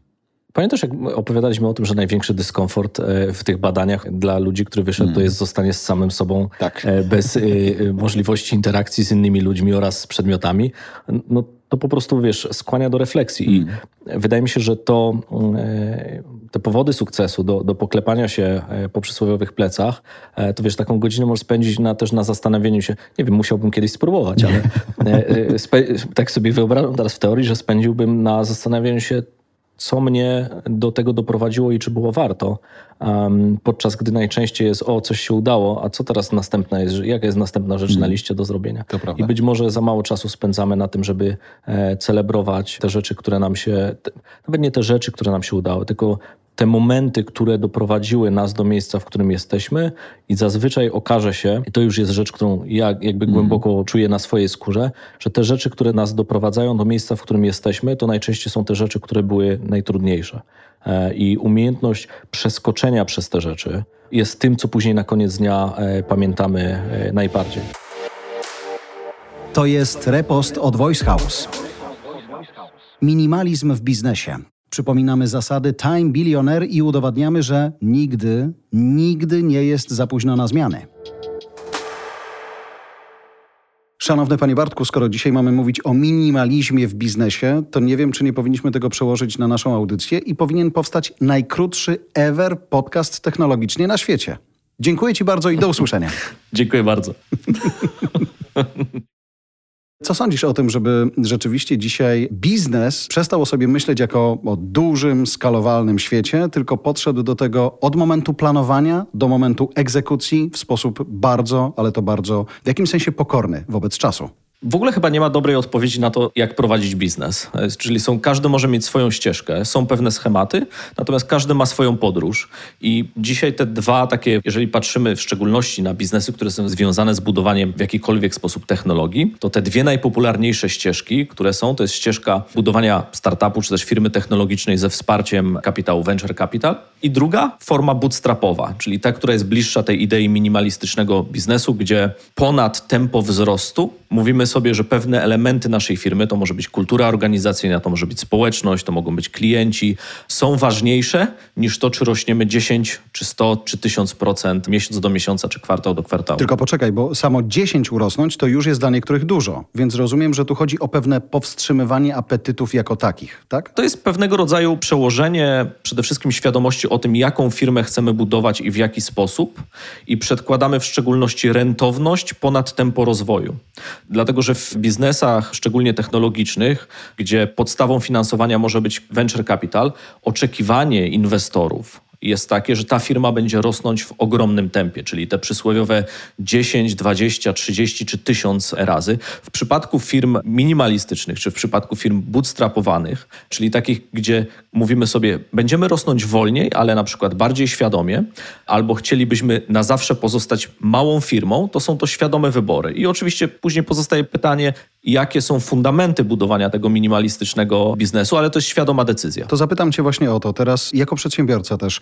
Co to znaczy, że ja powinienem bardziej świadomie coś budować? Bo mam takie poczucie też ze swojego podwórka, że im mniej mam pieniędzy w sumie, im krótszy mam runway finansowy, no to ja jestem bardziej świadomy, bo ja przewracam tę złotówkę na 100 tysięcy sposobów. Kiedy przychodzi do mnie VC i mówi, dobra, to teraz 1500% rośniemy w przyszłym roku, no to ja nie mam czasu na skupienie. O tej różnicy mówimy? Też, bo w momencie, w którym dostajesz przysłowiowy milion dolarów finansowania, czyli ten zastrzyk gotówki do firmy, to pierwsze pytanie jest, na jakiej podstawie go dostałeś? To znaczy, ktoś uwierzył w Twoją wizję zbudowania firmy, ale też ktoś uwierzył, że inwestując przysłowiowy milion dolarów, zarobi nie jeden, ale więcej milionów dolarów na podstawie tej inwestycji. Więc oczekiwania w stosunku do tempa wzrostu i tego, jak dużą firmę zbudujesz, są zupełnie inne niż jeżeli budujesz tą firmę organicznie, reinwestując na przykład swoje środki. I oczywiście, budując firmę organicznie, bardzo często, czy też w większości przypadków, może być taka sytuacja, że rozwijasz się wolniej, masz ograniczone zasoby, co wcale nie oznacza, że to jest złe, bo bardzo często te ograniczone zasoby też pozwalają bardziej świadomie, tak jak powiedziałeś, obracać tymi pieniędzmi. Natomiast w branży technologicznej to, co jest bardzo trudne, to to, że zazwyczaj nie ma czasu na to, żeby powoli rozwijać się, jeżeli mówimy o rozwój technologiczny, czyli budowanie narzędzi, budowanie produktów. Bardzo często potrzebujemy większego zastrzyku gotówki. Szczególnie wtedy, kiedy jesteśmy w mocno konkurencyjnej branży. Ale z drugiej strony akurat jestem teraz, kiedy nagrywamy tę audycję, w takim procesie przygotowywania dla Deloitte i w centralnej Europie i tutaj w Polsce, to są dwie różne imprezy, gali Fast 50, Technology Fast 50. I teraz jak rozmawiam z różnymi firmami, które występują w tym konkursie, to są głównie oczywiście, jak sama nazwa wskazuje, firmy technologiczne, to coraz częściej słyszę, że na przykład pieniądze od inwestorów idą już nie zawsze na technologię, ale na talenty ludzi, którzy są rozsiani wszędzie, kosztują X, ale dają taką wartość, która zakładam, że wpisuje się w trochę to, o czym dzisiaj mówimy. Czyli to może być zupełnie inny wektor wzrostu, zupełnie inne rozstawienie akcentów potrzeb danej firmy. Zdecydowanie. I to jest też świadoma decyzja właścicieli tych firm, tego, jakie, jakiego typu firmy chcą budować i jak szybko chcą rosnąć. Dzisiaj inwestycje w talent technologiczny jest praktycznie najdroższą inwestycją z punktu widzenia wydatków firmy. I teraz, jeżeli jesteś na dobrej ścieżce, rośniesz, i potrzebujesz rosnąć jeszcze szybciej, czyli chcesz iść tą siłą rozpędu, który już udało ci się zbudować, to oczywiście potrzebujesz więcej kapitału, sięgasz po ten kapitał w rozumieniu inwestorów czy w rozumieniu rynku publicznego. Natomiast jeżeli zaczynasz budować swój biznes od zera i mówisz sobie, chciałbym spróbować pewnej, zbudować pewien produkt, czy przedstawić konsumentom czy klientom pewną ideę i zaczynasz z nią eksperymentować, czyli w szczególności na tym początkowym etapie, gdzie jeszcze nie musisz albo nie chcesz sięgać po pieniądze inwestorów, zaczynasz ten biznes bootstrapować. Być może wydajesz na to własne pieniądze, być może wydajesz na to swój własny czas, ponieważ jesteś deweloperem, który buduje ten produkt, ale w tym momencie masz też możliwość podjęcia tej decyzji, w jaki sposób chcesz budować tą firmę, bo jeżeli zdecydujesz się pójść tą drogą, to nie ma dobrej albo złej odpowiedzi, tak? Czyli jedno jest gorsze, a drugie jest lepsze, ale jeżeli zdecydujesz się pójść tą drogą bootstrapowania, czyli takiego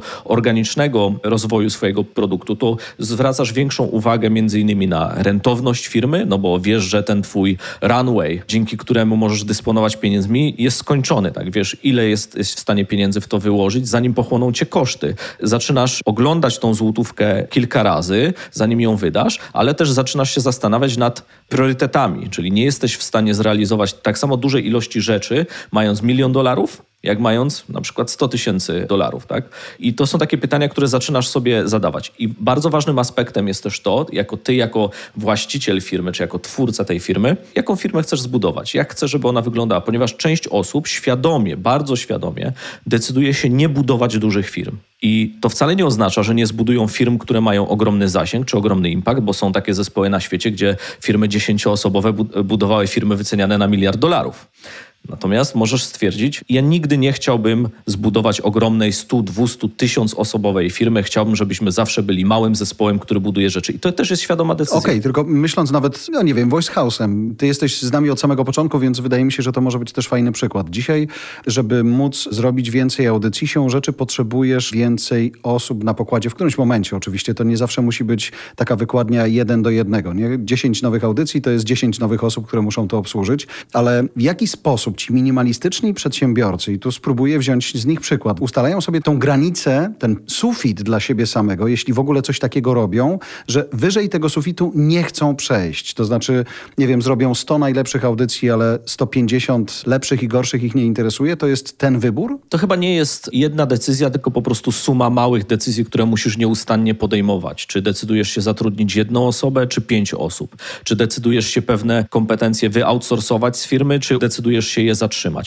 Ale tak naprawdę, jak patrzysz z perspektywy fundamentów tych biznesów bootstrapowanych, tych biznesów minimalistycznych, to wspomniana rentowność jest istotnym argumentem, czyli tworzysz tą firmę w sposób w miarę zrównoważony, czyli one powinny być rentowne za wszelką cenę i bardzo często te biznesy są bardzo rentowne, czyli te marże są na poziomie na przykład 50 do 80%, czego nie można powiedzieć o wielu biznesach, które są zasilane kapitałem venture capital, który przez bardzo długi okres może być związany ze stratą. Co to za biznes, który ma 80% marżę? A jest bardzo wiele takich biznesów. Serio? W szczególności jeżeli mówimy o biznesach niszowych, jeżeli mówimy o biznesach na przykład subskrypcyjnych, to są takie biznesy, w których można osiągnąć od 50 do 80% marży. Czyli najkrócej mówiąc, szanujesz siebie zupełnie inaczej niż inni na rynku. Swój czas, swoje talenty, swoje umiejętności, swój produkt, swoją usługę, wszystko. Dokładnie tak. A ponieważ bardzo często te biznesy są budowane w niszy, to budowane są też wokół pewnego rodzaju społeczności, czyli budujemy ją też na fundamencie pewnej wspólnoty z użytkownikami. Staramy się kultywować tą relację z naszymi klientami, budujemy zaufanie z nimi, co też automatycznie oznacza, że potencjalny klient takiej firmy też widzi wartość w zapłaceniu za tą usługę więcej niż w tradycyjny sposób. Bardzo wiele też tutaj zależy od tego, w jaki sposób budujemy tą firmę, ponieważ większość firm, kiedy tworzymy firmę czy produkt, zaczynamy od zrobienia rozwiązania problemu dla klienta czy konsumenta konsumenta i zazwyczaj ten produkt rozwiązuje jedną rzecz i dobrze by było, żeby robił ją bardzo dobrze. Czyli buduje się tylko to, czego klienci potrzebują, a resztę zarówno wewnątrz organizacji, jak i z punktu widzenia technologicznego automatyzujemy albo zlecamy na zewnątrz, co też poprawia naszą marżę automatycznie. I pracujemy wtedy jakby ramię w ramię zarówno z klientami, którzy mają wpływ na to, jak nasz produkt działa i wygląda, ale też z osobami, które są gdzieś w tej społeczności dalej. To mogą być współpracownicy, to mogą być freelancerzy, z którymi pracujemy. Bartek dzisiaj wychodzi na rynek z książką Minimalistyczny Przedsiębiorca. To nie jest jego książka, natomiast on ją w Polsce wydaje i to jest dla mnie taka prowokacja do tego, żeby o tym porozmawiać. Mówię to uczciwie do naszych słuchaczy, bo oni są w tej społeczności dla nas najistotniejsi i myślę, że nawet nie musimy ich przekonywać, że to nie jest umówiona rozmowa, żeby wypromować książkę. Chcemy dać wam wartość i to jest prowokacja do tego, żeby o minimalizmie porozmawiać. Natomiast ja o innej zupełnie chciałem teraz porozmawiać. Skończyłem czytać książkę, która jest zatytułowana Liderzy. Skusiła mnie tym, że ma taką, a nie inną formę. To jest kilka historii gości, którzy mają nieprawdopodobne osiągnięcia na rynku inwestycyjnym. I w sumie, jak słucham ciebie i tej historii o minimalizmie, to u nich, mimo że to były gigantyczne biznesy, Podejście minimalistyczne jest bardzo, ale to bardzo widoczne. Spin-offy, przypilnowywanie kosztów, delegowanie tego, co ma być wydelegowane, zamykanie tego, co nie jest rentowne w krótkiej perspektywie. Tam jest mowa głównie o spółkach giełdowych, więc skupowanie akcji własnych, pilnowanie gotówki, mądre zadłużanie, ale właśnie w taki sposób, żeby nie przesadzić. Choć tak jak mówię, wydaje mi się, że skala jest zupełnie inna niż ta, o której my myśleliśmy do tej pory, ale podejście podobne. Zdecydowanie tak. Dlatego to jest bardziej filozofia pracy niż gotowy przepis na to, w jaki sposób tworzyć firmy. I bardzo często odpowiedź na to, jak te firmy wyglądają, jak one działają, to jest pochodna od tego, kim są ich twórcy tych firm i jaką filozofię wyznają w jaki sposób chcą, generalnie rzecz biorąc, spędzać swój czas. Kiedy użyłeś słowa, to jest bardziej filozofia niż pewien styl robienia biznesu, to chciałem Cię zapytać o to, kogo na to stać prowokacyjnie? To znaczy, czy to nie jest tak, że to są, to mogą być drugie lub trzecie biznesy dla kogoś, kto wcześniej jednak był w zupełnie innym tempie, doszedł do tego momentu finansowo, dojrzał do tego być może biznesowo także i dzisiaj mówi, to ja zrobię to wolniej. Ja dzisiaj zrobię sobie siódmy biznes, ale on będzie właśnie taki, że sustainability biznesowe będzie na 150%. Często tak jest i to jest też związane z dojrzałością osób, które budują te biznesy, ponieważ bardzo często na tym etapie już wiedzą z doświadczenia, jakiego rodzaju biznes chcą zbudować, ale również jakiego rodzaju biznesu nie chcą budować. I to jest równie ważne. Ta dojrzałość czasami może przyjść oczywiście z wiekiem i to mogą być osoby, które mogą być starsze albo miały już czas zbudować pierwszą, drugą albo trzecią firmę, a bardzo często to jest po prostu postawa, którą ktoś wyznaje niezależnie od wieku i stwierdza, ja nigdy nie chciałbym zbudować firmy, która, nie wiem, zatrudnia tysiąc osób. I to jest taka filozofia życiowa, do której ktoś może powiedzieć, nie chcę tego typu rzeczy, jest na tyle świadoma, że buduje tą firmę w zupełnie inny sposób. Ale też trzeba pamiętać, że to nie jest model, który jakby determinuje, że musieliśmy wcześniej z sukcesem zbudować firmę, już mamy dużo pieniędzy, więc teraz będziemy budować małą, minimalistyczną firmę, czy firmę w taki sposób, w jaki chcemy. Żeby zbudować firmę albo bootstrapować firmę, nie musisz koniecznie myśleć o tym w kontekście, skąd weźmiesz, że musisz być bogaty, żeby założyć firmę. Nie musisz być. Musisz mieć klientów, którzy zapłacą za twój produkt. To jest jakby punkt pierwszy.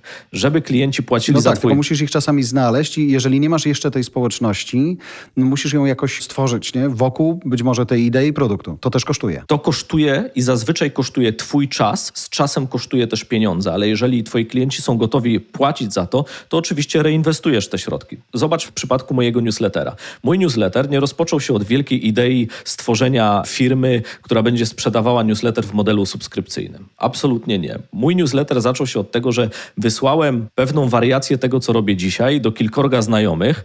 Z czasem, kiedy korespondowaliśmy, część z nich powiedziała, to jest absurdalne, że wysyłasz to nam, a my za to nie płacimy, ponieważ normalnie wydajemy dziesiątki czy setki tysięcy złotych rocznie na firmy konsultingowe.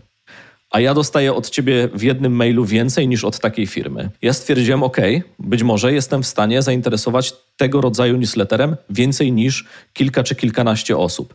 W kolejnych krokach uruchomiłem wersję bezpłatną, później wersję płatną i tak dalej, i tak dalej, co później sprawiło, że powstał produkt tego newslettera taki, jaki jest dzisiaj. To nie jest jednorazowa decyzja o stworzeniu po prostu produktu, to jest ileś dziesiątek czy setek kroków, które sprawia, że odkrywasz potrzeby potencjalnych klientów i jeżeli dojdziesz do momentu, w którym klient mówi tak, jestem w stanie za to płacić, to powinieneś być gotowy też w pewnym sensie zaoferować, czy też zażądać od tego klienta pieniędzy za tą usługę. To ważna rzecz, bardzo uczciwa i to powiem coś, co, znaczy nie wiem, czy się może moim kolegom w Onecie nie spodobać, ale myślę, że to widzieli, rozumieli. Zobacz, też myślę ewentualną pretensją naszych słuchaczy albo takim, ej panowie, ale, więc ja to ale postaram się wypełnić. Kiedy pracowałem sobie w TVN i mój szef powiedział do mnie, wyjdź sobie na scenę X Faktora, zarobisz dodatkowe pieniądze od Miszczaka, więc ja cię puszczam. Nie? Poszedłem i rzeczywiście zarobiłem nagle w ogóle tyle pieniędzy, miesiąc do miesiąca więcej dzięki tej pracy, ile nigdy w życiu pewnie bym w TVN24 nie zarobił. I mówię do niego, Adam, mam pieniądze, które chcę zainwestować w licencję na biuro podróży. Uśmiechnął się, parsknął i mówi, a se zrób. Później to była kość niezgody i przez to się musieliśmy rozstać, jak się firma rozwinęła, ale byłem w tej komfortowej sytuacji, w której mogłem sobie pozwolić na to, żeby poeksperymentować. Kiedy pojawiłem się w Onecie, to mogłem rozwijać Kuźniar Media, zarabiając pieniądze regularną pracą w Onecie i to mi dawało też taki duży komfort. I dzisiaj niewielu jest w takiej sytuacji, w której masz tą możliwość, że właśnie pieniądze, które pojawiają się w innym miejscu, dają ci swobodę tworzenia czegoś innego, co może stać się biznesem, ale od samego początku w założeniu nawet nim nie jest. Oczywiście, to jest ta ciągła eksploracja i bardzo często pracując w jakimś miejscu, w jakiejś firmie, będąc specjalistą czy liderem, liderką zespołu, pracujemy w jakiejś niszy albo w jakiejś branży i zaczynamy dostrzegać w niej rzeczy frustrujące, powtarzalne, które moim zdaniem świadczą o tym, że być może w danym miejscu jest takie opportunity i szansa biznesowa. I bardzo często osoby, które pracują w jednej organizacji, mówią: Dostrzegłem, dostrzegłam w tamtym miejscu frustrujący element, będąc pracując w dużej lub w małej firmie, i teraz postanawiam spróbować sama rozwiązać ten problem, czy spróbować samemu rozwiązać ten problem. Eksplorujesz go razem z klientami, być może udaje ci się zbudować wokół tego produkt, zakładasz swoją firmę, zaczynasz ten produkt sprzedawać, ergo udało ci się. Oczywiście trzeba pamiętać, że na koniec dnia bycie przedsiębiorcą jest zawsze pewnego rodzaju ryzykiem i nie każdy też na to ryzyko jest gotowy. Głównym kosztem tego ryzyka, jak patrzysz z perspektywy budowania i tworzenia swojej firmy, czy to firmy technologicznej, czy nietechnologicznej, jest po pierwsze koszt Twojego czasu, ponieważ musisz wydać swój czas na to i to jest bardzo często dużo ciężkiej pracy po godzinach, czy też niewiele osób widzi to, ile czasu ty, ja spędzamy po godzinach budując swoje produkty. I to nie ma znaczenia, czy to jest 12 godzin, 8 godzin. Jest to bardzo dużo czasu, który inwestujemy jako własny czas kosztem innych aktywności. Z drugiej strony, kolejnym kosztem jest też koszt związany z reputacją. Co się stanie, jeżeli postanowię zaryzykować i się nie uda?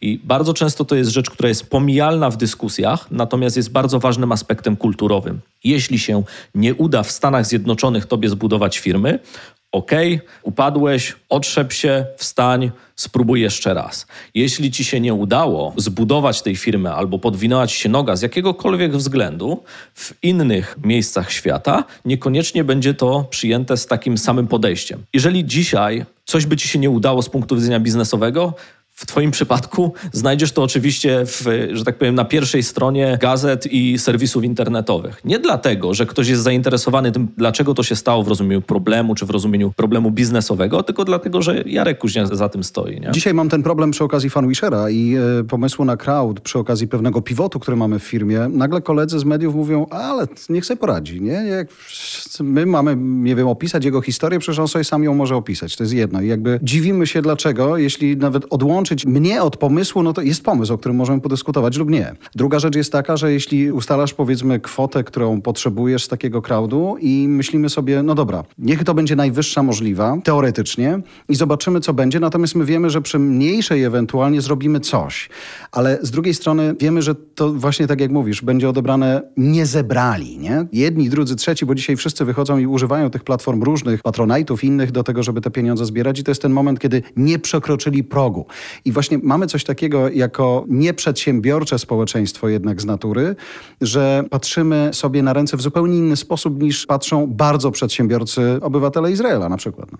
To, co mnie się akurat podoba, to, co ja najczęściej widzę w branży technologicznej, to, że zazwyczaj to wygląda inaczej. Czyli to, że ci się coś nie udało, jest przyjmowane Polsce nadal nie na tym samym poziomie co w Stanach Zjednoczonych, ale jest przyjmowane z większą aprobatą i zrozumieniem niż w wielu innych branżach. Ale co, bo branża technologiczna wie, że to jest trudne i wie, że może nie wyjść, czy co? Bardziej niż inni? Bo wie, jak bardzo to jest trudne i jeżeli ktokolwiek kiedykolwiek próbował zbudować firmę w branży technologicznej, zajmował się budowaniem produktu, próbował go sprzedać, czy to na rynku B2B, czy na rynku B2C, wie, jak bardzo trudne jest budowanie i skalowanie firmy. To jest okropnie ciężkie zadanie. To, co widzisz zazwyczaj w nagłówkach, w popularnych serwisach technologicznych, we wszystkich udanych kampaniach, to jest wierzchołek góry lodowej, ponieważ na każdą fantastyczną i udaną kampanię są tysiące czy dziesiątki tysięcy nieudanych kampanii czy firm, którym się nie udało. Tak? Ale na koniec dnia pytanie jest takie, co z tym robisz? Czy to cię budowanie, czy też czy ta porażka cię zdefiniowała, kiedy próbowałeś budować tą firmę, czy jednak nie? Bo bez względu na to, czy twoja firma się rozwija, czy nie, jeżeli jesteś jej właścicielem, to dobrze by było, żebyś ty był właścicielem firmy, a nie firma twoim właścicielem. Nawet jeżeli jesteś CEO tej firmy. Ponieważ to, czego większość osób nie widzi w całym tym spektrum, jest fakt, że founderzy i founderki firm, osoby, które tworzą te firmy, tworzą te produkty, mogą być równie dobrze niewolnikami swoich własnych firm. Tak? I chodzi o to głównie, żebyś budował tą firmę, budował te swoje produkty w taki sposób, który jest zgodny z Twoim ja. Wokół tego jest oczywiście środowisko, otoczenie, branża, media itd., itd., ale jeżeli ty nie będziesz szczęśliwy z tego, co zbudowałeś, to nikt ci tego szczęścia wokół budowania firmy nie poda. Tak? Jest ryzyko biznesowe, które podejmujesz. To jest fundamentalny, to jest największy aspekt całej tej imprezy. Czyli jak zbudować coś, co będą chcieli klienci kupić. I nie zawsze jest tak, że to się udaje i trzeba być z tym ok.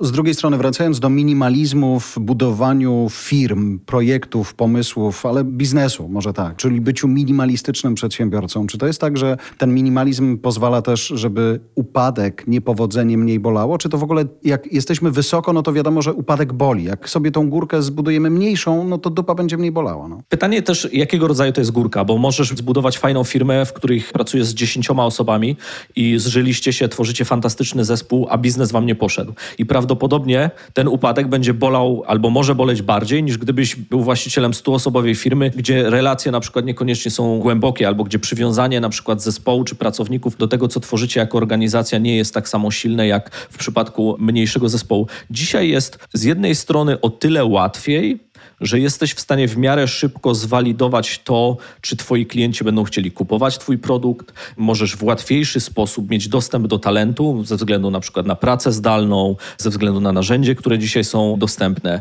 Możesz też, jest większa akceptacja też wokół na przykład dzielenia się twoimi historiami, wokół zmagań związanych zarówno z sukcesem, edukacją, czy tworzeniem twoich produktów z twoimi klientami. Dzisiaj jest większa otwartość też klientów, albo nawet oczekiwanie klientów, że w ramach tej społeczności która jest skupiona wokół Twojego produktu, będziesz w stanie z nimi dzielić się nie tylko tym, co jest wspaniałe, czyli tej części PR-owej otoczki, ale też właśnie z wyzwaniami. Tylko tu jest dużo zaufania.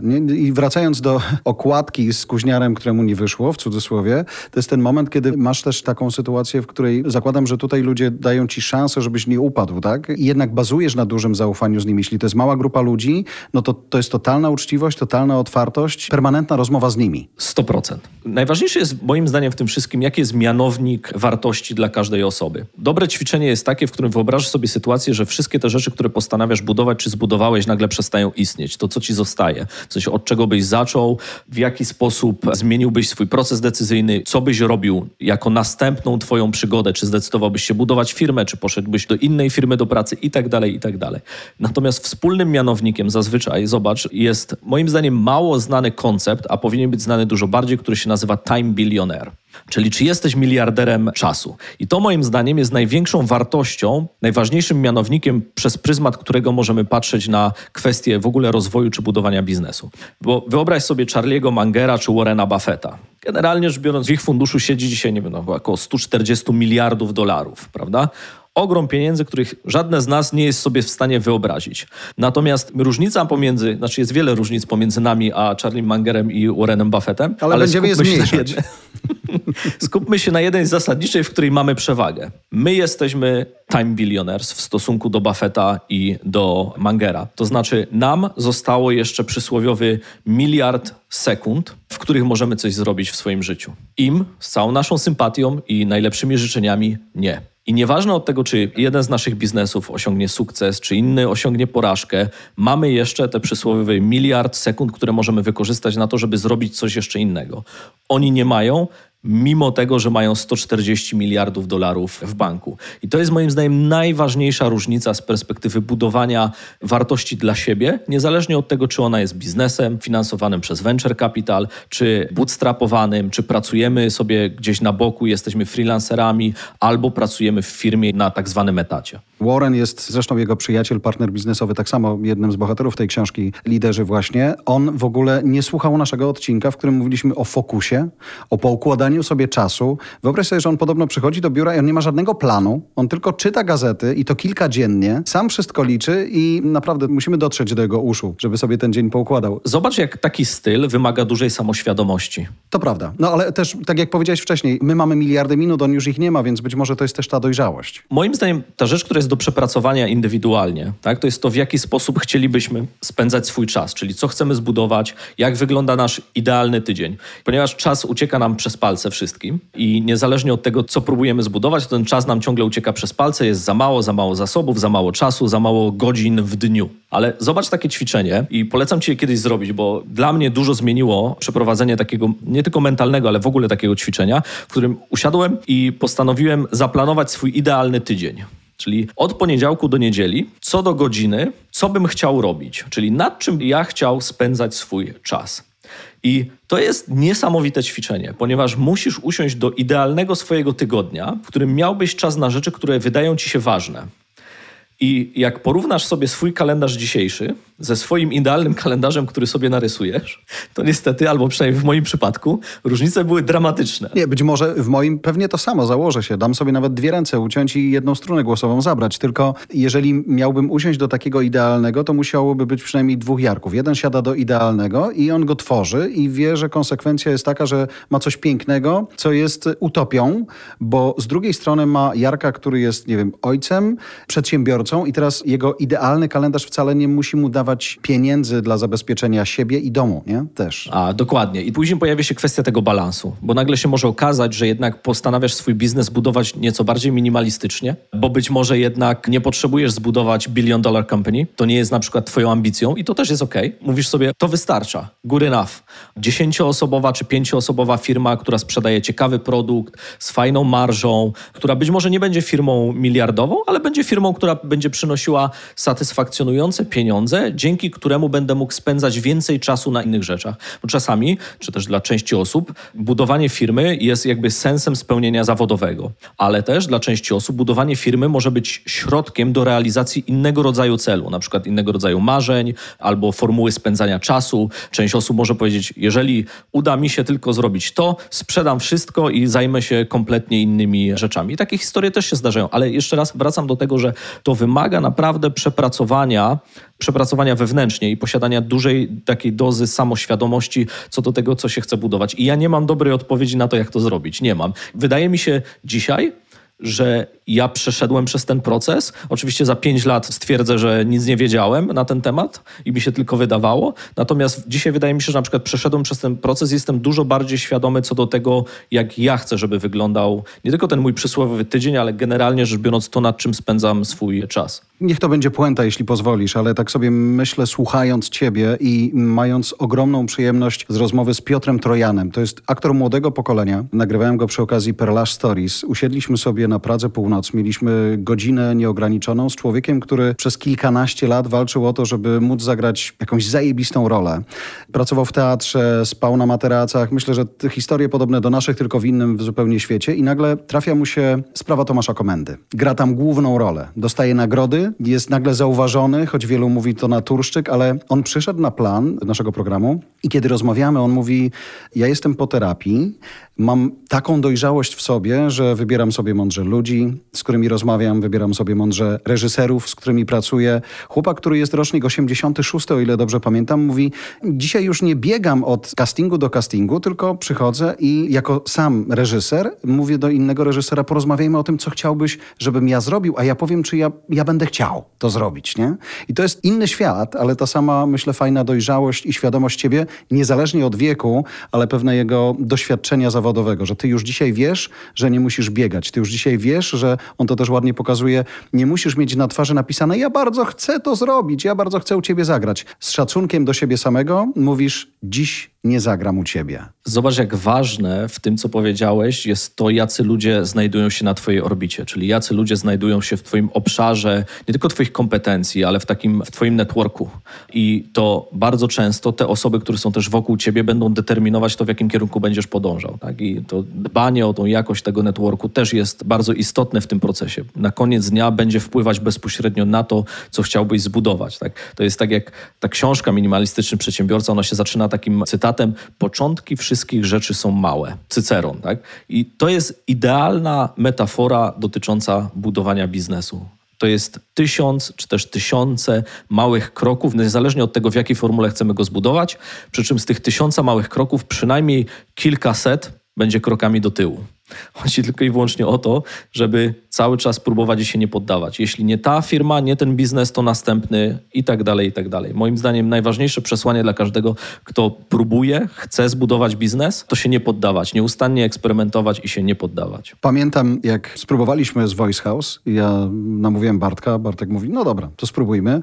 I nikomu o tym nigdy nie mówiłem, bo sam się tego wstydziłem przez długi czas, ale najpierw na stronie w zakładce autorzy byłem ja i był Bartek i długo, długo nikt. Było jakieś takie pyka, ikonka mówiąca zostań, jeśli chcesz. Dzisiaj to wygląda zupełnie inaczej, ale to wygląda po roku, nie? Tak naprawdę przy tym minimalistycznym, myślę, podejściu też, w ogóle w byciu przedsiębiorcą, cierpliwość ma też decydujące znaczenie. Zdecydowanie. Bartek, dziękuję za spotkanie. Wszystkiego dobrego w Szwecji. Pozdrawiamy Dzięki. ze studia Wojska w. Warszawie. No i naszym słuchaczom dziękujemy za to, że Dzięki. tej społeczności technologicznie są i być chcą. Wierzę w to.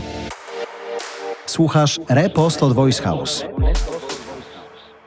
W ostatnim odcinku, w tym specjalnym świątecznym cyklu, metody i narzędzia do skutecznego skupienia w pracy. Ręka do góry, moja już jest. Komu się dzisiaj nie przydadzą? Skupimy się na tym, żeby opowiedzieć e, naszą perspektywę pracy w dużym skupieniu. Mm, Bartek, jeśli pozwolisz, to zrobię taki miły, mały wstęp w odniesieniu do tego, czym słuchacze nas zasypali po ostatnim naszym odcinku, który był mało technologiczny. Zdecydowanie dotyczył umiejętności miękkich, czyli jak zorganizować swoją pracę na różnych przykładach, także używając oczywiście technologii, żeby być lepiej skupionym, lepiej zorganizowanym i osiągać dla samego siebie także lepsze efekty. I pomyśleliśmy, że pójdziemy za ciosem, damy sobie szansę na skupienie się na skupieniu lidera. Dzisiaj, w momencie, w którym rzeczywiście jesteś w rozjazdach, to skupienie twoje, jako lidera też twojego zespołu, jest skuteczniejsze, lepsze, łatwiej osiągalne? Jak czujesz? Wydaje mi się, że skuteczniejsza.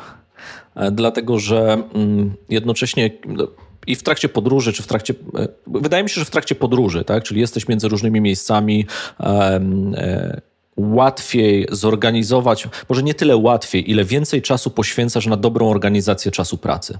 No bo wiesz, że masz e, samolot, podróż, e, wiesz, że musisz się zmieścić w danym okienku czasu, więc poświęcasz jeszcze więcej czasu na dobrą organizację e, pracy. I myślę, że z, z tego punktu widzenia, e, jeżeli to ten sam e, mindset, e, ten sam sposób organizacji przeniesiesz też na codzienną pracę, czy pracujesz z biura, czy pracujesz z domu, to generalnie rzecz biorąc powinno się wygospodarować więcej czasu na tą tak zwaną pracę głęboką, o której rozmawialiśmy i umożliwić e, więcej czasu, czy umożliwić sobie skupianie się w łatwiejszy sposób. Bo zobacz, to angielskie focus, tak myślę sobie, ono brzmi y, konkretnie, ono jest fajne. Olga pewnie powiedziałaby świetne słówko F i to K w środku, ale praca głęboka, y, spalszczając, to jest coś takiego, co już mnie samemu, ale myślę, że sporej części naszych słuchaczy także pokazuje, że to nie jest łatwo osiągalne.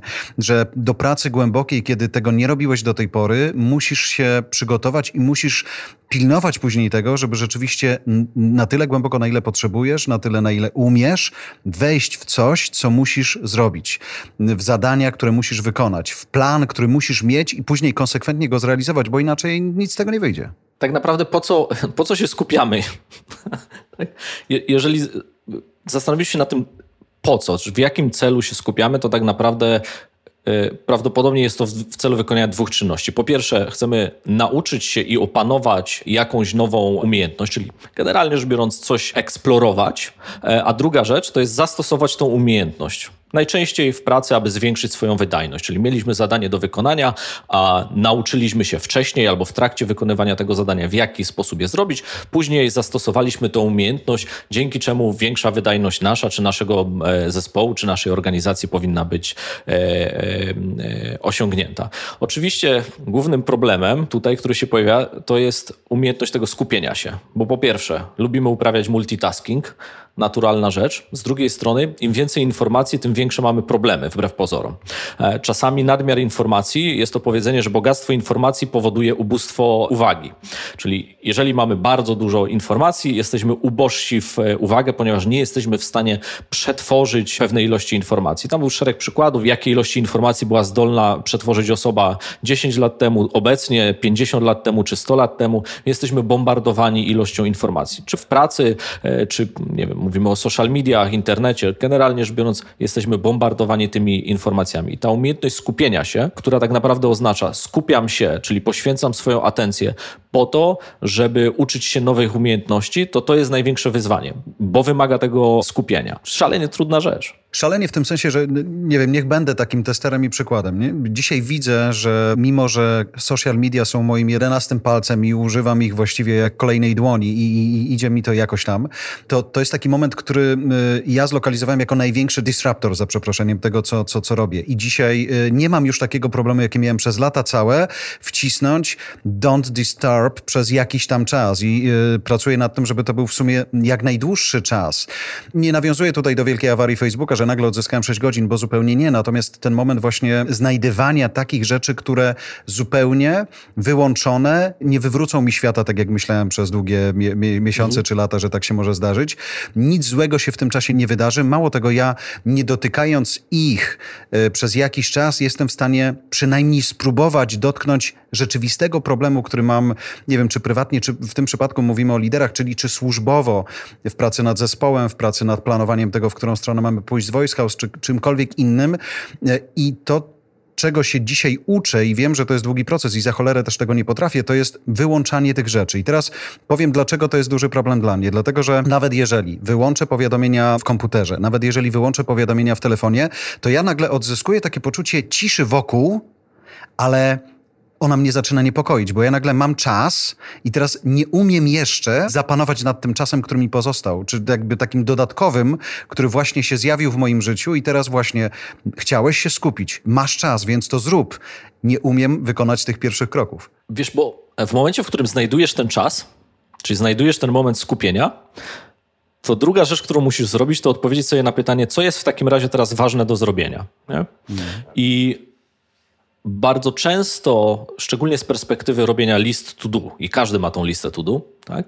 Ja też mam swoją, mam, teraz pokazuję karteczkę swoją, na której jest napisane today i wypisuję sobie, jakie 3-4 rzeczy danego dnia chciałbym zrobić, więc prawie każdy ma tego typu e, listę. Natomiast praca nad tym zaczyna się dużo wcześniej, bo e, musisz mieć e, tą możliwość poświęcenia czasu przede wszystkim na myślenie. No bo w zasadzie to powinno być tak. 80% czasu powinien spędzać myśląc nad problemem, 20% czasu robiąc go, a najczęściej jest odwrotnie, czyli 80% czasu robisz e, i z braku czasu 20% poświęcasz na myślenie o samym problemie, a powinno być odwrotnie. Ale to wejdę ci w słowo, czy to wynika, ta, ta zmiana proporcji wynika z tego złego przygotowania sobie tego środowiska pracy w skupieniu wcześniej? Moim zdaniem tak. Moj, hmm. Moim zdaniem tak, dlatego że są pewne, e, po pierwsze, e, jest to powiedzenie, że nie da się przejrzeć w gotującej się wodzie.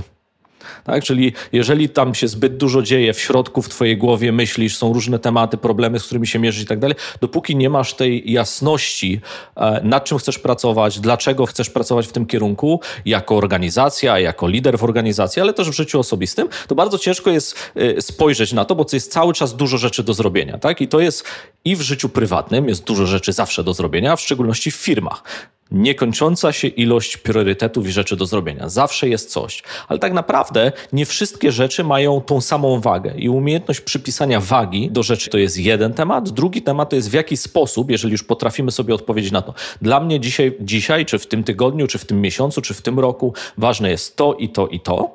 W jaki sposób przejść z identyfikacji tego, co ważne, na y, jakby stworzenie środowiska do realizacji tego zadania. I teraz stworzenie tego środowiska to tak naprawdę jest szereg warunków. I czasami te warunki są nieoczywiste, bo sen, o którym rozmawialiśmy, jest kluczowym aspektem do jakby naszej wydajności. W jaki sposób myślimy, czy mamy jasność tego umysłu, czy potrafimy głęboko analizować e, problemy. Część z tego wynika z jakości e, naszego snu.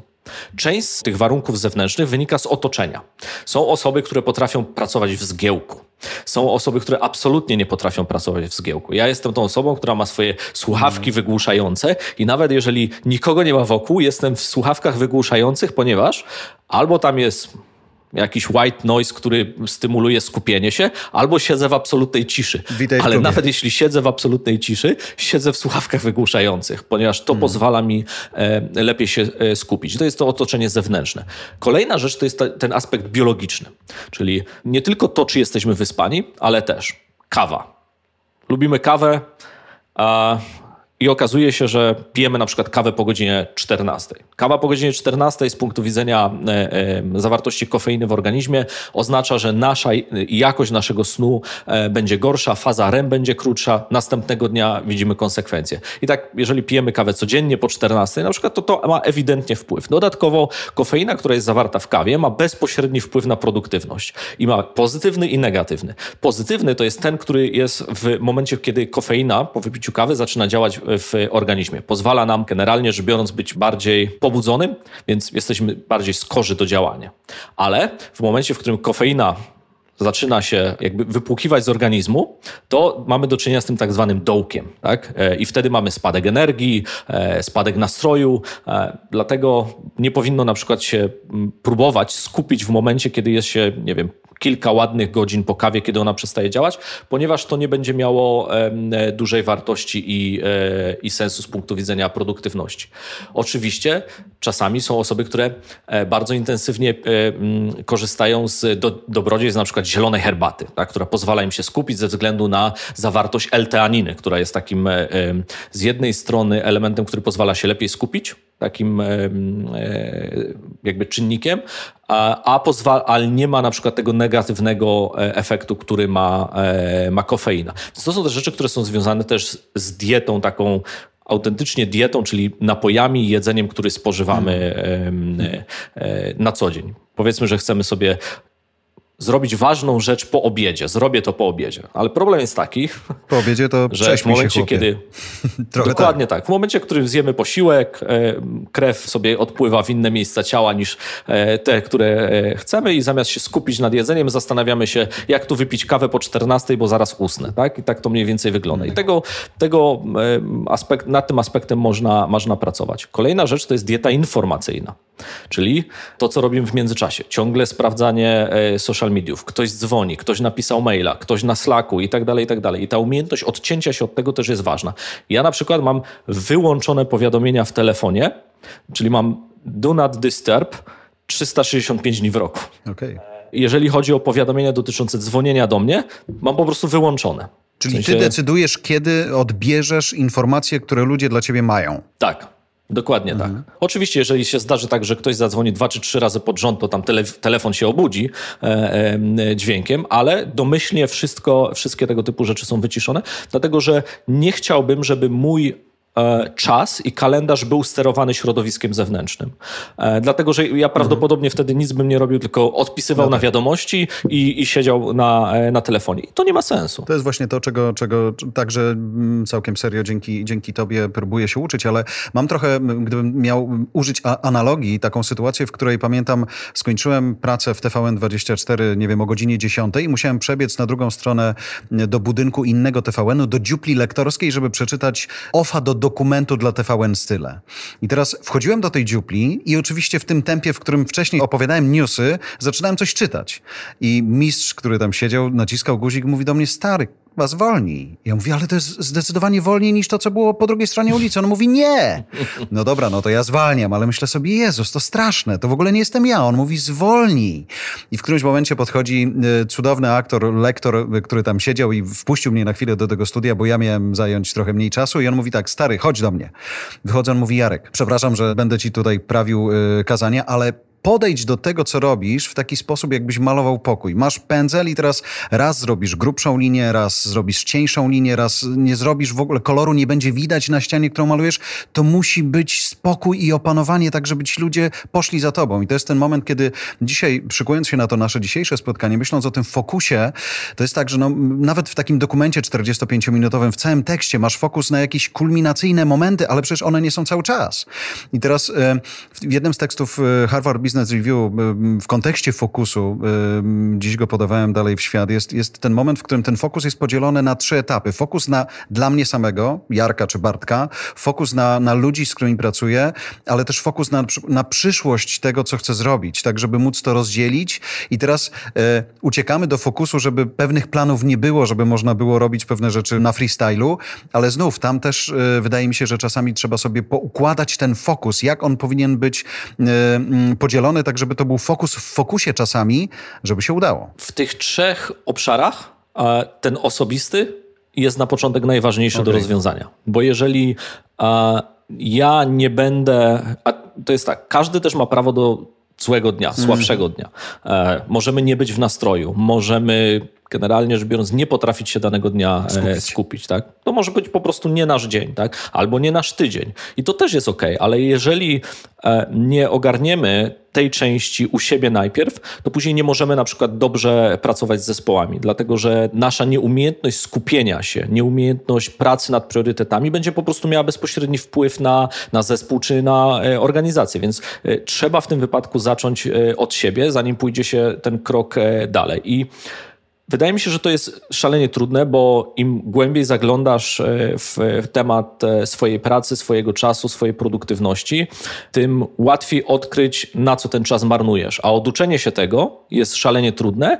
I z drugiej strony jest jeszcze ten kwestia, jakie rzeczy decyzji o tym, czego nie chcesz robić. I no to tak. jest zazwyczaj szalenie trudne. I pamiętam, że kiedyś na spotkaniu na UW, już nie pamiętam, co to był, była za okazja, ale to było 100 lat temu, szef Displayta, e, dzisiaj swoją drogą świetnie radzącej sobie, wtedy też, ale dzisiaj jeszcze bardziej, on, on mówił, że on ma w dupie listę to do on ma listę not to do I, i, i to, ja sobie wtedy to zapamiętałem, zapisałem, natomiast za cholerę, znaczy teraz jestem mocniejszy i trochę odważniejszy i trochę bardziej może zdesperowany i zdecydowany, żeby właśnie w ten sposób to przemienić. Natomiast myślę też o jednej rzeczy i chciałem cię zapytać, może masz podpowiedź, a może nasi słuchacze, bo to jest dla mnie ważne, żebyście wy też podpowiadali nam, jak wy na przykład sobie z tym radzicie, bo znając trochę naszych słuchaczy, macie powielokroć czasami większe doświadczenie niż ja i Bartek i chętnie się zderzymy z tym.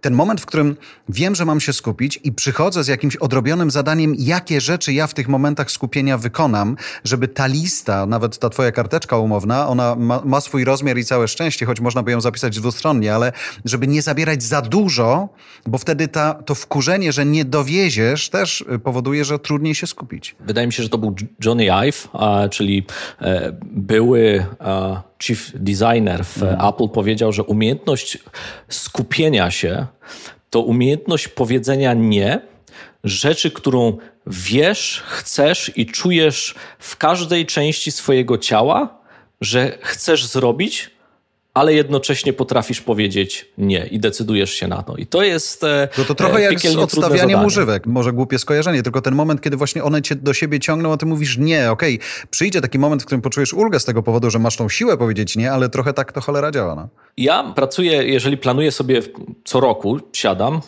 nie, nie mam tak zwanych osobistych celów rocznych, nie, nie robię mm. czegoś takiego, ale są obszary mojego zainteresowania. I te obszary sobie dzielę na na przykład edukacja, czyli w jakich elementach chciałbym się rozwijać, e, jakie elementy chciałbym zgłębić. E, to mogą być obszar związany z inwestycjami, to może być obszar związany z pracą, to może być obszar związany z rodziną i tak dalej, i tak dalej. I w tych obszarach, jakie rzeczy chciałbym zrobić, czyli na co patrzę. Ale alternatywnie do tego zawsze tworzę tą listę nad to do, czyli mm. jakich rzeczy w tym obszarze na pewno nie chcę robić. I czasami w trakcie roku dryfuję w tą stronę, że jednak ach, tam to jeszcze bym coś zrobił, bo mi się podoba, bo, bo może warto i tak dalej, i tak dalej. Ale jeżeli później wracam do tej listy, to mówię sobie, kurczę, obiecałem sobie, że nie będę jednak tego robił i w wielu przypadkach to się sprawdza. To znaczy, to była dobra decyzja, żeby czegoś nie robić. Aczkolwiek to jest bardzo, bardzo trudne. E, przygotowanie takiej, to jest świetne ćwiczenie, ale przygotowanie tej, tej listy nad to do jest dobre i z punktu widzenia naszego osobistego, ale też z punktu widzenia często zespołów, e, z którymi pracujemy wewnątrz organizacji, ponieważ transparentność wokół tego, czego nie robimy, tak, albo czego nie będziemy robić, jest często dużo ważniejsza niż to, co będziemy robić. Dlatego, że to, co będziemy robić, najczęściej decyzja w tym zakresie powinna należeć bezpośrednio do zespołów. Tak? Czyli jeżeli przyjmiemy, że dobra szkoła zarządzania to taka, w której a, nasz zespół, nasza firma, nasza organizacja zajmuje się eksplorowaniem szans, to z punktu widzenia e, e, menedżerskiego czy przywódczego e, umiejętność powiedzenia, a na czym się nie skupiamy, jest tą odpowiedzialnością, którą, którą powinno się ponieść jako, jako lider w zespole. Tylko właśnie ten lider, znaczy fajne by było to, że no, zakładam, że to się oczywiście wielu zdarza. Ten moment, kiedy ty masz czas na znalezienie tego momentu, w którym stawiasz wyraźną granicę, wracasz do zespołu i mówisz, słuchajcie, tego w ogóle nie robimy. Ja byłem w takim obszarze swoich myśli, swojej wiedzy, swojego doświadczenia, spotkałem takich fajnych ludzi, albo taką książkę przeczytałem, albo takiego podcastu posłuchałem, który dał mi wiedzę, której wy być może teraz nie macie, ale uwierzcie mi, odpuszczamy to i kierujemy się na to. Co wy na to na przykład, nie? Wydaje mi się, że to jest jedno z tych, z tych, z tych rozwiązań. Bo jest dużo też takich książek pokazujących właśnie, jak się skupiać i teoretycznie one zawsze mówią, tak jak moja, mo- moja ulubiona dzisiaj przyniosła akurat do studia, bo wiem, że słuchacze ostatnio nas o to prosili. Hyperfocus, how to work less and achieve more. Wydaje mi się, że to nawet nie chodzi o to, żeby pracować mniej i osiągać więcej w takim dużym uproszczeniu, bo to fajnie brzmi, ale żeby inaczej pracować albo inaczej rozłożyć te akcenty, czy w kontekście tego naszego dzisiejszego odcinka, inaczej rozłożyć te fokusy, żeby to miało inny skutek. Zgoda. I oczywiście sposobów na lepsze skupienie się jest mnóstwo. I niektóre z tych metod są jakby sprawdzone i bardzo skuteczne. To nie oznacza, że każda będzie dobra dla nas, bo na przykład e, bardzo popularną i skuteczną metodą jest tak zwany bullet journaling, czyli codziennie rano siadamy do, e, do takiego ćwiczenia, które pozwala nam e, odpowiedzieć sobie na pytanie, co jest dzisiaj ważne, e, albo jakie mamy refleksje dotyczące dzisiejszego dnia, na koniec tego dnia. I bardzo dużo osób zaczyna od takiej umiejętności pisania, czyli przelania myśli na papier. I to sprzyja refleksji, właśnie sprzyja skupieniu. Czy to jest metoda dla każdego? Nie. Czy wielu osobom jest w stanie ona e, pomóc? Zdecydowanie tak, bo jednym z ważniejszych aspektów mm, skupienia się jest umiejętność priorytetyzacji, to jest jeden e, aspekt, ale z drugiej strony też e, retencji informacji, czyli umiejętności przypominania sobie o tym, co, e, co ważne i takiej umiejętności refleksji, no bo jak spojrzysz na kalendarze osób w większości organizacji, czy swój, czy swój własny kalendarz. Ja patrzę na swój kalendarz i e, ja mam e, taką kategorię, która, e, czy kilka kategorii w kalendarzu i niektóre te kategorie, jedno się może nazywać meetings, że mam spotkania, a druga się nazywa deep work. I deep work, czyli czas na moją pracę głęboką, jest zawsze na sztywno wbity w kalendarze w określonym czasie. I e, wszyscy wiedzą, czy też mają dostęp do tej informacji, że w tym czasie jakby nie spotykam się, ponieważ to jest czas na moją pracę głęboką. I jak planuję, a ja akurat planuję co tydzień e, e, swój e, kalendarz z, no, z bardzo dużą dokładnością, stety czy niestety, to e, zawsze patrzę na relacje pomiędzy spotkaniami a e, tą pracą głęboką. I w momencie, w którym dany tydzień e, jednak więcej czasu poświęcam na spotkania niż na pracę głęboką, zastanawiam się dlaczego. To nie zawsze jest złe, bo jeżeli pracujesz z różnymi zespołami, musisz poświęcić ten czas i atencję, e, ale też trzeba pamiętać, że są na to sposoby. Na przykład bardzo wielu menadżerów, czy, czy founderów, czy CEO organizacji e, organizuje swoje kalendarze na przykład jako dni tematyczne, czyli na przykład poniedziałki, wszystkie rzeczy związane z kulturą organizacji i ludźmi. Wtorki, wszystkie rzeczy operacyjne. Środa, sprzedaż. Czwartek, produkt.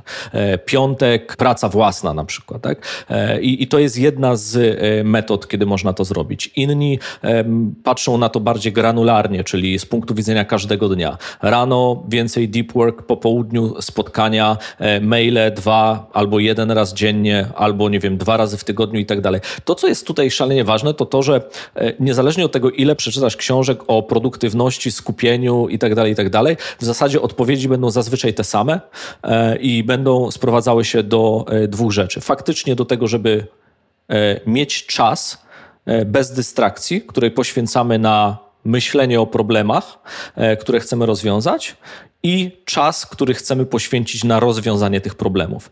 I ten czas musi też być czasem bez zbędnych dystrakcji. I wbrew pozorom to jest ta rzecz, która jest jedną z trudniejszych rzeczy, ponieważ pozbycie się tych dystrakcji, działamy na przykład na, na komputerze, mamy otwarte okno z mailami, mamy otwarte okno z przeglądarką, ze Slackiem, z czymś innym i ciągle jesteśmy bombardowani różnymi rzeczami. Tak? Stąd bardzo często możliwość wyłączenia tego typu rzeczy, wyłączenia notyfikacji czy wyłączenia tych programów w trakcie pracy jest bardzo ważne.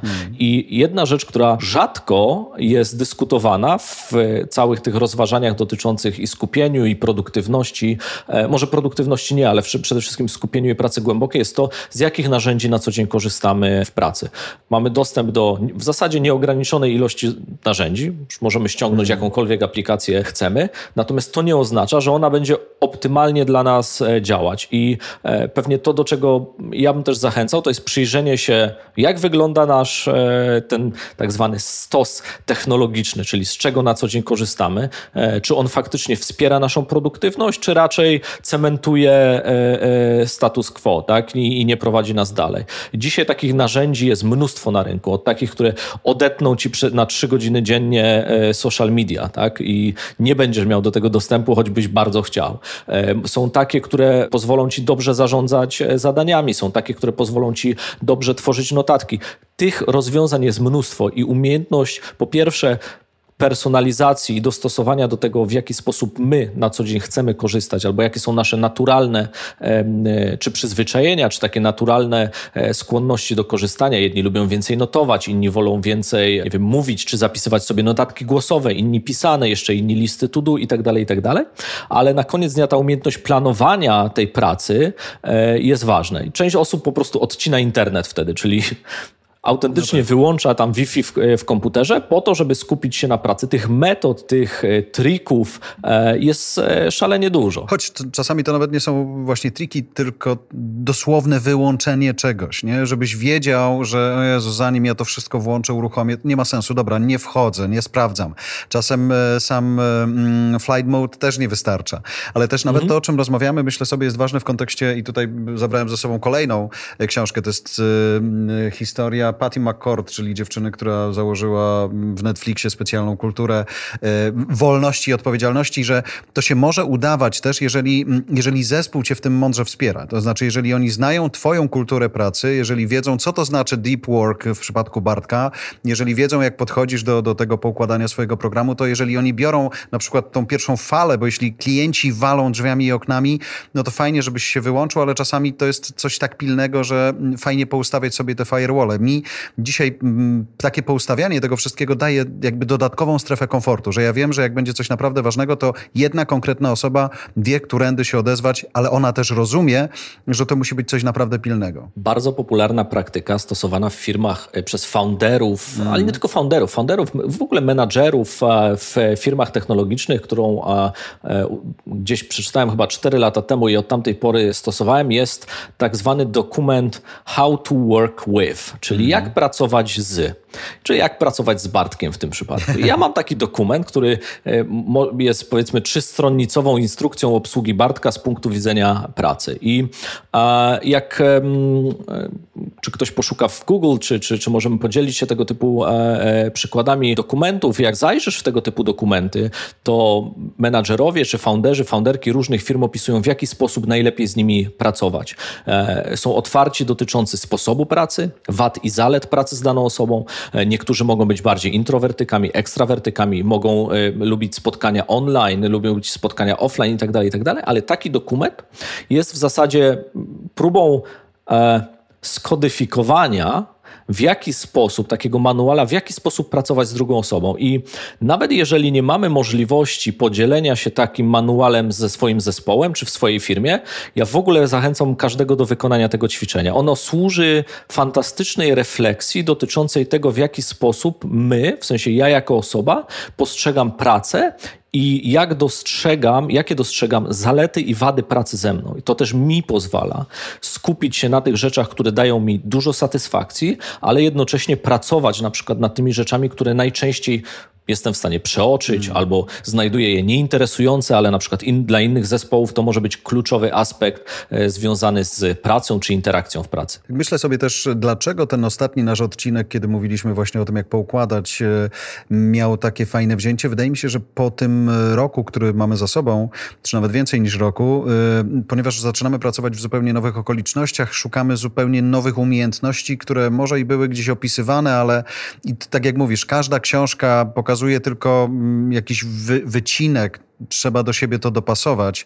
Ja na przykład, mimo że to wydawało mi się absurdalne, przecież wiem, jaką muzykę lubię i wiem, jakiej muzyki bym chętnie posłuchał w czasie pracy, to kiedy w czasie jednego z podcastów e, Alexa Libermana usłyszałem o e, Headspace i ściągnąłem sobie Headspace i dotykam całej sfery fokusu, e, to, to widzę ogromną różnicę między, nie wiem, muzyką Hansa Zimmermana, która jest tak przygotowana, że moja głowa właśnie totalnie się wyłącza na różne rzeczy, a tym, co ja sam włączyłbym sobie i za cholerę pewnie nie Tak. byłbym tak skupiony jak dzięki niej. To są Tak, niby proste, tak. Drobne rzeczy, ale ja jestem na, na tym etapie teraz. Jest w ogóle szereg badań związanych z tym, jakiego rodzaju muzyka, jakiego rodzaju dźwięki e, wspomagają produktywność czy umiejętność skupienia się.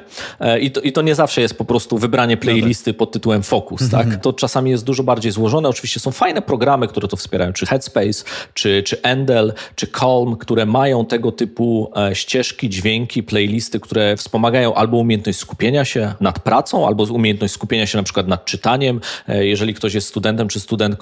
Więc e, tego typu rozwiązania istnieją. Ale też chciałbym zwrócić uwagę na, na dwa aspekty, które są związane z tego rodzaju umiejętnościami. Pierwsza, można wyplanować swój kalendarz co do godziny i co do minuty. Ale trzeba mieć czas na to, żeby się nudzić. I to jest bardzo ważne, dlatego że nudzenie pomaga naturalnie dryfować nam do rzeczy, które nas interesują i sprawiają przyjemność. Nudzenie się nie oznacza, a teraz włączę Netflixa, ponieważ mam dwie godziny wolnego, tylko autentyczne nudzenie się, czyli takie fajne ćwiczenie, które można sobie zrobić, to jakby odciąć się od wszystkiego, czyli od telefonu, od telewizora, przysłowiowego Netflixa i po prostu zobaczyć, do czego my dryfujemy myślami. Tak? W którym kierunku jakby idzie nasze, e, nasze skupienie. I to jest bardzo ciekawe ćwiczenie. Druga rzecz, która jest też istotna, to jest to, że trzeba potrafić kończyć pracę. Bardzo często, jak już siadamy do danego zadania czy do, danego, do danej e, pracy, w zasadzie dopóki jej nie skończymy, to nie kończymy swojej pracy. To jest najczęściej błąd, czyli po, powinniśmy potrafić kończyć pracę wtedy, kiedy e, oczywiście nie zawsze, czasami są po prostu rzeczy, które są z punktu widzenia czasu musimy skończyć, ale jeżeli wiemy, że na dzień dzisiejszy daliśmy z siebie wszystko i zrobiliśmy to zadanie na 100%, warto przestać i wrócić do tego zadania na 100% kolejnego dnia, niż zrobić na 100%, a później zacząć robić resztę na 80, na 70, na 50, na 40 i tak dalej, ponieważ końcówka tej pracy będzie po prostu bardzo słabej jakości. I trzeba też wiedzieć, kiedy skończyć tą pracę. I dzisiaj, w szczególności w kontekście pracy hybrydowej, też się dużo mówi, że jednym z największych problemów jest to, że e, osoby pracujące z domu ciągle czują się, jakby były w pracy. Dlatego ta umiejętność kończenia pracy jest szalenie istotna, czyli no jednak tego maila tam o 20 to być może warto odłożyć do jutra. To prawda, szczególnie, że on rano może brzmieć inaczej, może mieć y, inny kontekst. Y, Też y, widzę dzisiaj, skoro mówimy o pracy hybrydowej, komunikacja jest najistotniejsza. Jej zepsucie może powodować konsekwencje większe niż kiedykolwiek, więc ten moment, w którym rzeczywiście coś, nie wiem, w pośpiechu, w, a dorzucę sobie jeszcze coś, napiszemy i wyślemy, to może mieć, może po prostu popsuć coś, co wysłane rano mogłoby już takiego efektu nie dać. Pracuję nad, intensywnie nad takim materiałem, który adresuje ten problem, y, który nazwałem sobie roboczo sztuką komunikacji online. Dlatego, że dzisiaj ten jakby aspekt, no w zasadzie przenieśliśmy nasz sposób zachowania ze, ze spotkań czy, z, czy z biura do online. No to nie.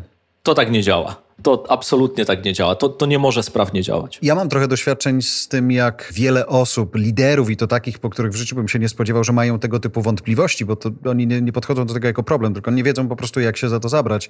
W, w tej pracy, którą my wykonujemy teraz nawet jest, więc może się umówimy na taki odcinek, kiedy właśnie to sobie położymy także na stół, ponieważ... Z przyjemnością. Super. Z przyjemnością. To bardzo dziękuję, pozdrawiam Szwecję. Wybieram się do Uppsali, Dziękuję. y, więc może y, gdzieś te nasze drogi się przetną. Zabiorę mikrofony jakby Chętnie. co, to może gdzieś na jakimś Dobrze. lotnisku jakiś miły podcast byśmy nagrali. Z przyjemnością zawsze. Trzymaj się Bartek, dziękuję.